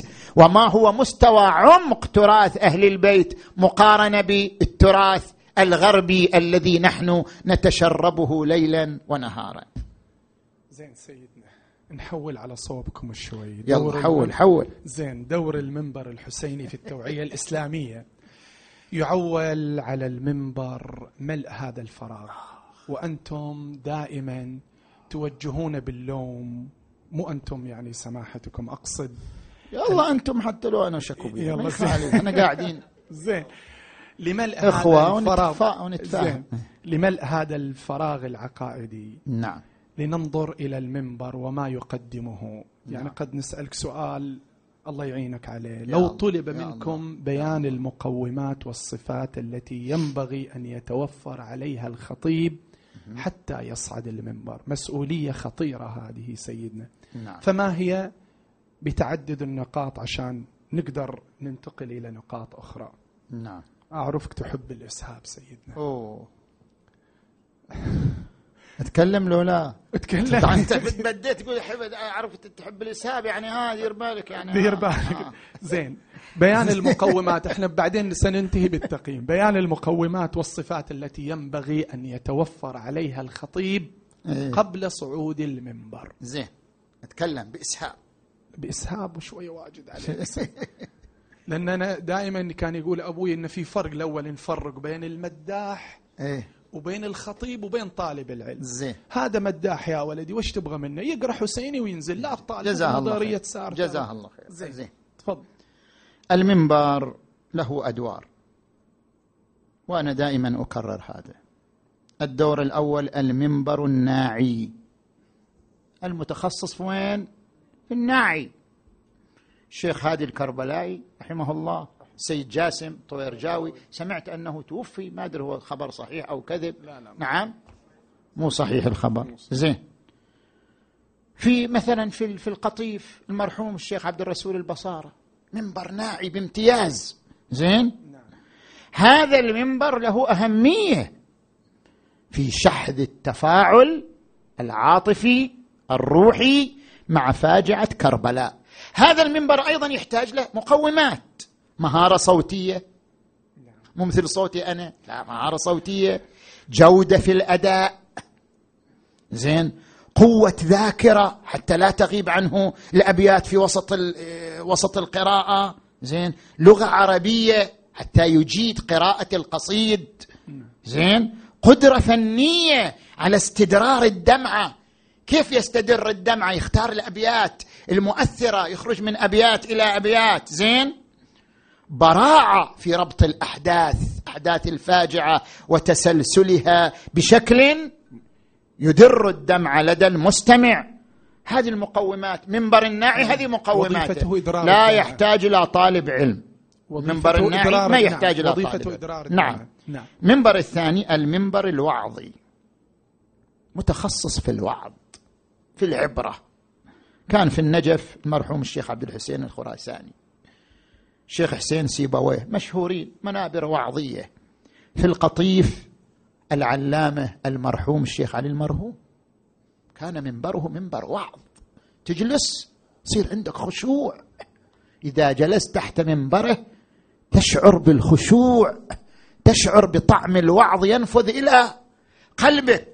هذا منبر وعظي نسميه منبر وعظي. زين؟ هذا المنبر أيضا ضروري جدا. المجتمع يحتاج إلى موعظة. المجتمع يحتاج إلى عبرة. الجيل المعاصر يحتاج إلى موعظة روحية. هذا المنبر لا يقل أهمية عن المنابر الأخرى لكن يحتاج إلى إنسان متعظ حتى يؤثر وعظه في سلوك الناس. وعند قدرة فنية على اختيار المادة المؤثرة في النفوس وعند سلاسة في أداء الوعظ حتى يقرب إلى القلب وينفذ إلى الروح ويحدث اهتزازا وخشوعا في القلوب. زين. نجي إلى المنبر الثاني المنبر. التاريخي الذي يقوم بعرض التاريخ تخصص في عرض التاريخ بمنهج مؤثر في ربط الحاضر بالماضي. مثاله تشوف العراق الآن من الخطباء الشيخ جعفر الإبراهيمي منبر تاريخي بامتياز في عرض التاريخ. عندنا في القطيف كان المرحوم الشيخ صادق المرهون والشيخ سعيد المرحون أخوان كانوا في العرض التاريخي أصحاب فن أصحاب براعة زين؟ وهذا المنبر ضروري جدا مسيرة الإسلام والتشيع من أهم عوامل جذوتها وديمومة حرارتها أن يحضر التاريخ. أن يحضر التاريخ المضيء تاريخ الفداء تاريخ العطاء تاريخ الأنبياء تاريخ الأئمة. ومن مشى على دربهم؟ واليت آل محمد وأخذت عنهم كل عادة. أنا لم أجد منهم إماما مات وهو على الوسادة. حتى الذي قد ناهز السبعين لم يترك جهاده. حتى الحرائر منهم قارعن من غصبوا السيادة. هذا تاريخ الفداء تاريخ التضحية. لابد أن يكون حاضر. ما هي المقومات لهذا الخطيب المتخصص في التاريخ؟ الخبرة التاريخية. سبر أغوار أمهات الكتب في مجال التاريخ. زين؟ البراعة في أسلوب العرض بنحو مشوق مؤثر كأنه عرض مسرحي عندما يعرض الرواية الإلمام باللغة العربية والنحو ودروس المقدمات في الحوزة من نحو ومنطق وبلاغة وكلام وبعض من الفقه فإن كل ذلك دخيل في تحقيق القدرة على قراءة التاريخ. قراءة شنو؟ تحليلية. زين. نجي إلى المنبر الرابع المنبر الاجتماعي. المنبر الاجتماعي هو الذي يعنى بعرض المشاكل الاجتماعية والأسرية. أنا قبل عشرين سنة كنت أزاول هذا الدور عرض المشاكل الاجتماعية والأسرية والقيام باستقراء أسبابها وصورها الخطيرة أو المرضية والبحث عن سبل علاجها أو الوقاية منها. هذا المنبر يفتقر إلى خبرة اجتماعية وتواصل حثيث مع الناس يوميا وأن تكون سمعة الخطيب سمعة نزيهة حتى يؤثر الحلول التي نعم. يعرضها. أحسنت. وأن يكون على خبرة بمواد من علم النفس وعلم الاجتماع لما لهما من أثر فعال في معرفة الأمراض الاجتماعية والاختلالات الأسرية وتحديد أسبابها مضافا إلى إتقانه للدروس الحوزوية المهمة. نجي إلى المنبر الخامس. والأخير. إن شاء الله الأخير. حاصر إني انت. زين؟ والله عندي عندي نقاط واجد سيئة. المنبر التعليمي أو التدريسي وهو المنبر الذي يعنى بعرض المسائل الفقهية وتفسير القرآن طبق القواعد والمناهج الثابتة وتحليل تراث أهل البيت تحليلا علميا وإبراز مقام الأئمة المعصومين مقام القدسي والملكوتي لهم. وهذا يوجب رسوخ المعتقد في نفوس المؤمنين. هذا منبر لا يقل ضرورة عن المنابر الأخرى بل هو مهم على مستوى المجتمع الفارسي. الإيراني كان منبر آه، أستاذنا العظيم آية الله العظمى الشيخ الوحيد الخراساني هو كان خطيب. كان منبره من أوضح وأسمى المنابر التعليمية, التعليمية والتدريسية. طبعا في القطيف عندنا كان العلامة الشيخ منصور المرهون. القطيف شنو كانت؟ كان المنبر في القطيف منبر ناعي. المرحوم جدنا يصير ملا حسن الجامد. ملا حسن الجامد كان خطيب الأول في عهده لكن خطيب شنو؟ ناعي عنده قدرة على التأثير في النعي بعدين جاء العلامة المرحوم الشيخ منصور المرهون وهو رجل عالم حوزوي طرح. دور جديد للمنبر وهو المنبر التعليمي. عرض الفقه عرض التفسير عرض تحليل روايات أهل البيت وأمسك بالساحة المنبرية في زمانه. بعدين جاء من بعده الخطيب العظيم المشهور العلامة الشيخ ميرزا حسين البريكي أيضا كان رجل عالم وأيضا طور من هذا الدور إلى المنبر الحسيني. أنا طبعا على مدى سنوات كنت أمارس هذا الدور. بس سنوات. كيف تصنفون زين. آه انت التصنيف بيصير بيدك مو بيدي أنا. زين. كنت أمارس هذا الدور مسألة فقه نعم. تفسير تحليل تراث أهل البيت صلوات الله وسلامه عليهم ترسي ترسيخ مقامات الأئمة المعصومين عليهم السلام. وعندي كتب مطبوعة الآن كلها محاضرات إلى منبري في هذه الفترة وفي هذا الدور. هذا المنبر يحتاج إلى فضيلة حوزوية راقية جدا كحضور البحث الخارج لكن لا يمنع أن يتدرب طالب العلم على هذا المنبر من حين إتمام المقدمات. زين؟ زين. وإيش اسمح لي أتكلم لو خلاص؟ أه. بعد عندي حكايات في المنبر. إذا زيديك الإجمال نخليها لآخر شيء شوي. زين. الآن أنتم صنفتم المنبر وحس... عندي أرجوزة في القطيف. يا سلام. فيها نسمع 732 بيت. ما شاء الله. وقد نظمتها قبل 37 سنة. نسمع منها شوي. وهذه الأرجوزة زين أخذها الأستاذ أحمد العبدلي من أم الحمام ليشرحها. إن شاء الله تطلع. زين؟ نسمع منها شوي. فهذه الأرجوزة أنا نظمت فيها علماء القطيف وخطبائهم وشعراءهم طبعا في تلك الفترة ومناطق القطيف عيون القطيف آثار القطيف كلها في هذه فيها صفوة بعد وفيها زين فيها صفوة هي القطيف قلم ومنبر. للخطباء في الخليج مصدر. قطيف ما زالت تحتل صدارة في مجال المنبر مو على مستوى الخليج حتى على مستوى العالم الشيعي خطباء القطيف ما زالوا المتميزين. على مستوى العالم الشيعي ما زالوا المتميزين. هي القطيف قلم ومنبر للخطباء في الخليج مصدر نجمهم الجامد جدنا حسن خطيب وادي الخط في ماضي الزمن. زين؟ نعم. ثم أجي إلى شيخ منصور. ومنبر المرهون. أسمى منبري علم وفكر ببديع الصور. في عهده قد كان شمس الخطباء وكان للقراء شيخا وأبا. وهذه أبناؤه في الأثر مشيخة الفن وأهل المنبر. وذكرت الشيخ محمد حسن المرهون رحمه الله الشيخ سعيد المرهون رحمه الله. بعدين وصلت إلى ومنهم عبد الحميد الفاضل موجود شيخ عبد الحميد المرهون في الخطباء ما له مماثل. أنا إلى اليوم نعم. أستمع الشيخ عبد الحميد المرهون. توني بسألك أنت كل سنة أستمع محاضرات شيخ عبد الحميد المرهون. المقتل اللي أقرأ يوم عاشر استفدته منه. كاملا. اعتمدت عليه وعلى المصادر التي يعني مو بس تسمع الآخرين حتى أنت تسمع أنا أنا أستمع. أسمع. أنا أنا أطلب أو على النت أستمع إلى شيخ عبد الحميد. لا يبكيني في محرم إلا شيخ عبد الحميد. المرهون. زين؟ نعم. وبعدين طبعا ذكرت عدة مشايخ مثلا وشيخهم رب التقى الشيخ علي لوعظه ينساب دمع المقلي. منابر الحق منابر الهدى تهفو لها زهر الدرار سجدا بوركت القطيف معدن العلا ياقوتة المجد ومنبع الولاء زين؟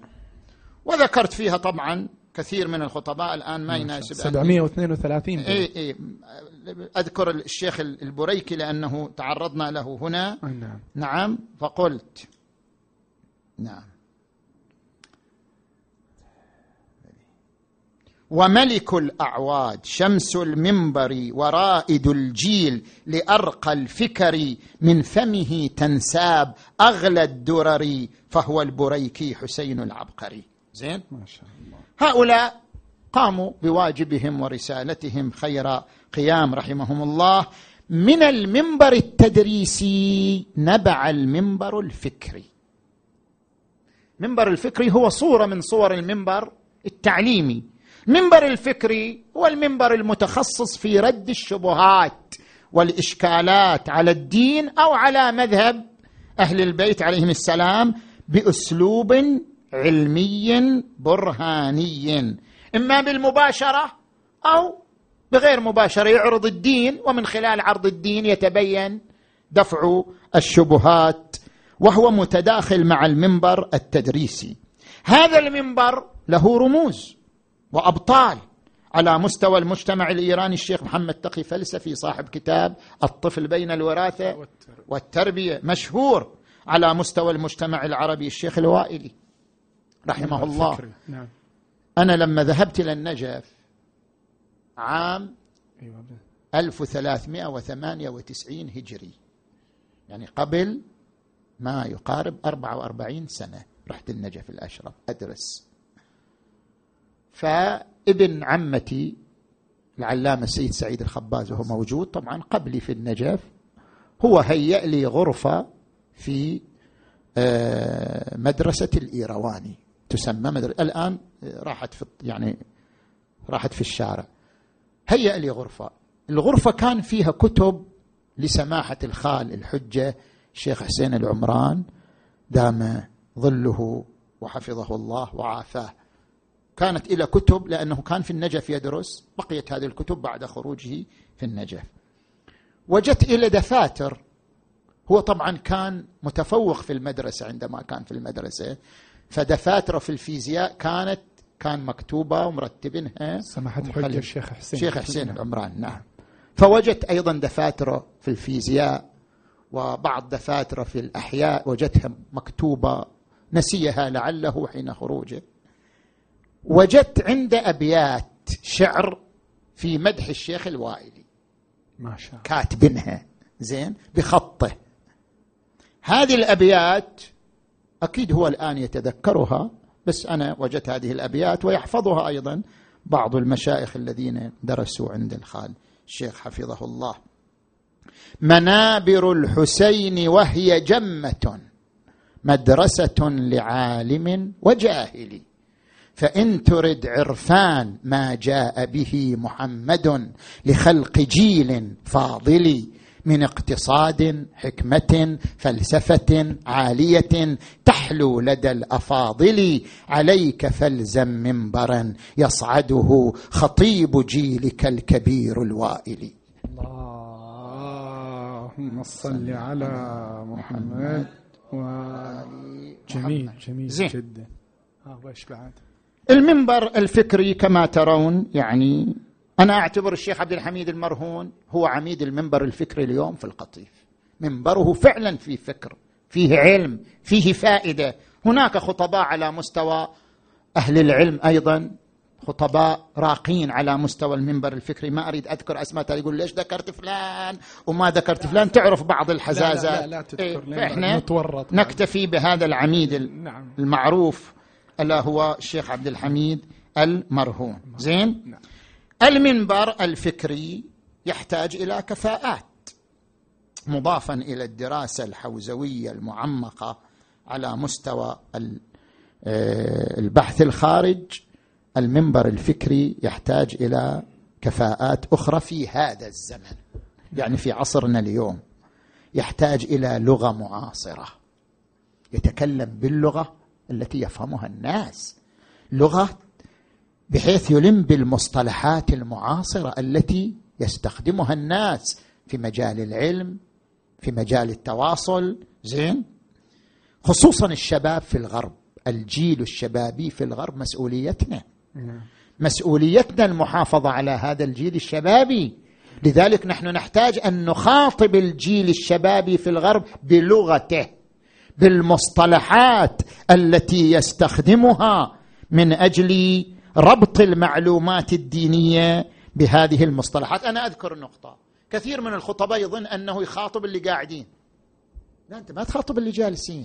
المنبر اليوم يسمعه المسيحي والسني والشيعي.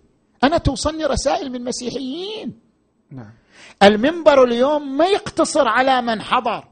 لا تفكر اليوم أنا من أصعد المنبر يسمعني هؤلاء الحاضرون فقط. لا. يسمعني آلاف أضعاف من يحضر هذا المجلس. وإحنا قاعدين نشوف هذه التجربة نعيشها. أثناء محرم تجينا مئات الرسائل. هي من الخارج. ما يأتينا من أسئلة واستفهامات. من خارج أكثر مما يأتينا من الداخل. من كل مكان تجينا رسائل وأسئلة واستفهامات. هذا معناه أن المنبر يخاطب العالم الإسلامي. ما يخاطب من هو حاضر في القطيف. لذلك لا بد أن تكون اللغة لغة معاصرة. يفهمها الكل عندما يسمعها. هذا اولا. ثانيا أن يكون له إلمام ببعض العلوم الإنسانية كعلم النفس علم الاجتماع. يحتاج. الشيخ الوائلي رحمه الله اجتمعت معه في منتدى النشر. بناية موجودة جنب الحرم. الآن أيضا أزيلت جنب حرم الإمام علي سموها منتدى النشر. رحنا منتدى النشر حتى نلتقي بالشيخ الوائلي رحمه الله التقينا به. سألنا طبعا مع مجموعة ماذا يحتاج الخطيب؟ قال يحتاج في كل علم لدفتر. طبعا إلا والخب ما عندنا جوالات دفاتر. كل علم تحتاج إلى دفتر. تكتب معلومات من علم النفس تكتب معلومات من علم الاجتماع تكتب معلومات من علم التفسير تكتب معلومات من علم التاريخ. تجمع لكل علم دفتر. بعدين بتتكون عندك خبرة. نتيجة ما كتبت تساعدك على آه، تسنم المنبر الفكري الذي تسنمه بجدارة الشيخ الوائلي. العنصر الثالث مواكبة الساحة الفكرية. لازم الخطيب يواكب ما يلقى. يوميا أنا أواكب. ما يستجد من إشكالات ما يستجد من شبهات ما يستجد من أطروحات. مواكبة ما يستجد يوميا يجعلني في أطروحاتي أعيش الحدث بشكل يومي. زين؟ العنصر الرابع التحضير والإعداد الجيد. إذا فعلا أنا أريد أكون طبعا إحنا قلنا خطيب بكيف يريد يصير منبر واعي؟ البلد تحتاج. يريد يصير منبر تاريخي المنطقة تحتاج. يريد يصير منبر تدريسي المذهب كله يحتاج. يريد يصير منبر اجتماعي كل المنابر نحتاجها. كلها حاجة ضرورية. أما إذا يريد يصير منبر فكري فيحتاج إلى الإعداد والتحضير الكثير. الذي قد يستغرق أيام حتى تحضر محاضرة واحدة. واحدة. لأنك تحتاج إلى توثيق المصادر بلورة المعلومات تحليلها صياغة المادة. العنصر الخامس والأخير. لا نقبل على مستوى المنبر الفكري. لا نقبل. أنا أمارس المنبر الفكري أتكلم عن تجربتي. ربما أكو إنسان إلى رأي آخر أو خطيب إلى رأي آخر. لا نقبل على مستوى المنبر الفكري. تغييب تغييب تراث أهل البيت. يجي واحد يقول أنتم ما تطرحوا إلا كلمات الغربيين وعلماء الغرب لا. نحن مثل ما أنا أمشي في محاضراتي. قسم أتعرض لنظريات غربية وأفكار غربية والقسم الآخر إلى تراث أهل البيت أقوال أهل البيت كلمات أهل البيت. أي إمام كان مشفوعه بالآيات القرآنية لا نقبل تغييب تراث أهل البيت. عليهم السلام. زين.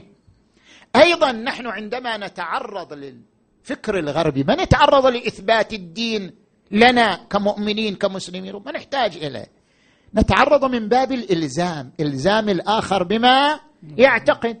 كما أن علماءنا الشيخ الأميني الشيخ عبد الح... السيد عبد الحسين شرف الدين يستشهدون بأفكار شنو؟ يستشهدون بكلمات علماء أهل السنة لا من أجل إثبات المذهب من أجل إلزام الآخر بما يعتقد. أنا أيضا أطرح نظريات الغرب وأفكارهم من أجل إلزام الآخر بما يفهم وبما يعتقد. وأيضا لا نقبل تغييب الفاجعة الحسينية. خطيب في المنبر حتى الفكري. مع تنوع المنبر. حتى لو لم يكن حتى منبر لو لم يكن منبر ناعي, ناعي هو منبر فكري لابد يعد جزء مهم من الوقت وقت المحاضرة إلى شنو المصيبة. إلى المصيبة الحسينية إلى الفاجعة الحسينية كما نحن نسير منبر الفكري بس هذه وخلاص. المنبر الفكري ينطلق من عندما نقول المنبر الفكري هو المنبر الذي قلتم المصيبة في المنبر الفكري أليس هذا ضر آه، حتى في الوعظ أم تركزون؟ يعني أقصد المنبر الوعظي المنبر كلها كلها تحتاج إلى العرض تحتاج, في تحتاج إلى عرض, عرض المصيبة, المصيبة نعم نعم. كلها تحتاج إلى عرض المصيبة. وذكرتم كل زين. الصفات التي يجب أن يتوفر أن يتوفر في كل منبر في كل منبر. في كل منبر بإزائه. سريعا المنبر الفكري هو المنبر المتخصص في الإجابة عن الشبهات والإشكالات التي تطرح على الدين أو مذهب أهل البيت. وهذا انطلاق من توجيهات المرجعية العليا. كل سنة المرجعية العليا تصدر نعم. تعاليم للخطباء عام 1440 هجرة. ذكر البيان إن من أجلى مصاديق حفظ الدين وترسيخه في العصر الحاضر هو التصدي لدفع الشبهات. المطروحه في مقابل الدين ومعارفه الأصيلة وقيمه الأخلاقية. وقال في عام 1441 تضمين الخطاب ما يثبت أصول العقيدة الحقة ودلائلها ما يثبت أصول العقيدة الحقه ودلائلها المحكمة من أدلة قوية ووجدانية بأساليب ميسرة وقريبة من الفهم العام ودفع الشك والشبهة عنها بما يزيح تلك الشبهة ويزيل وهن التقليد والتلقين فيها. هذا ما أردت أن أذكره في هذا الصداد نعم. سريعا في خلال خمس دقائق. الآن ذكرتم المنبر الناعي والوعظي والتاريخي والاجتماعي والتعليمي والفكري هل من الممكن لخطيب أن يجمع كل تلك المنبر؟ نعم إذا كان عنده قدرة على ذلك. متنوع. متنوع. يقدر ليلة يصير مؤرخ ليلة يصير ناعي ليلة يصير. أو حتى المحاضرة الواحدة إذا الناس طبعا تجلس نعم. ساعتين يقدر. المحاضرة الواحدة وياك متعودين سيدنا المحاضرة الواحدة يقدر مثلا يضم فيها عدة أدوار. ممكن للخطيب ذلك يعني ممكن للمحاضرة الواحدة أن يضم فيها الخطيب إذا عنده هذه القدرة وهذه البراعة التي يستطيع أن يقوم بهذه الأدوار المتنوعة. من الممكن. نعم. وسنترك للجمهور تشخيص منبركم سيدي. زين سريعا في ثلاث دقائق خلاص. ما المرجو من هذا المنبر في هذا الزمن؟ وكيف يمكن تحويله إلى وسيلة إعلامية تنافس وسائل الإعلام؟ تؤمنون بالقنوات الفضائية سيدنا أنتم الشيعية؟ بدون ذكر أسماء واقعا كيف تقيمون؟ القنوات الفضائية الشيعية خدمت العنصر العاطفي. فقط. وأما العنصر الفكري فما زال نعم. يعني نسبة إلى ما يعرض في هذه القنوات الفضائية 2% نحتاج إلى بس 2% أي نحتاج إلى فعلا طبعا ما أريد أذكر أسماء لا لا بعض القنوات إيه. لأن بعض القنوات فعلا جيدة وممتازه نعم. ما ننكر دورها. ولكن أنا أقصد بالمجموع بحسب المجموع 2% الفكر الذي تحتاجه الأمة والمجتمع الإسلامي مستوى 2% مع الأسف في هذه ما يعرض القنوات الشيعية. طبعا في أيام محرم بعد وقت فراغي أشاهد وأستمع إلى بعض الخطباء حتى أعرف هل هناك جديد هل هناك طرح مثلا جديد. نعم أتابع. وتعتبر نعم. القناة منبرا اعلاميا حسينيا أيضا. المنبر منبر ناعي خلينا نعتبر. نعتبر القناة منبرا نعتبر القناة منبرا ناعيا. ممكن أن نقول من هذه الجهة القناة منبر ناعي. نعم ممكن. ممكن أن نقول هكذا. نعم. ممكن. في النهاية الحديث معكم سماحة السيد شيق مثمر ومفيد وممتع أيضا لكن للأسف الوقت يحكمنا ويحكم الجميع. في الختام أشكرك أستاذ فتحي. الله يسلم. وإن شاء الله برنامجك في لندن يتجدد. إن شاء الله نزوركم بعد. أيضا في الختام نعم. لا يسعنا واقعا إلا أن نتقدم لكم بجزيل الشكر والامتنان على سعة صدرك. وإتاحة الفرصة لنا على أن تعدنا أن يكون هذا المجلس متكرر ولو افتراضيا.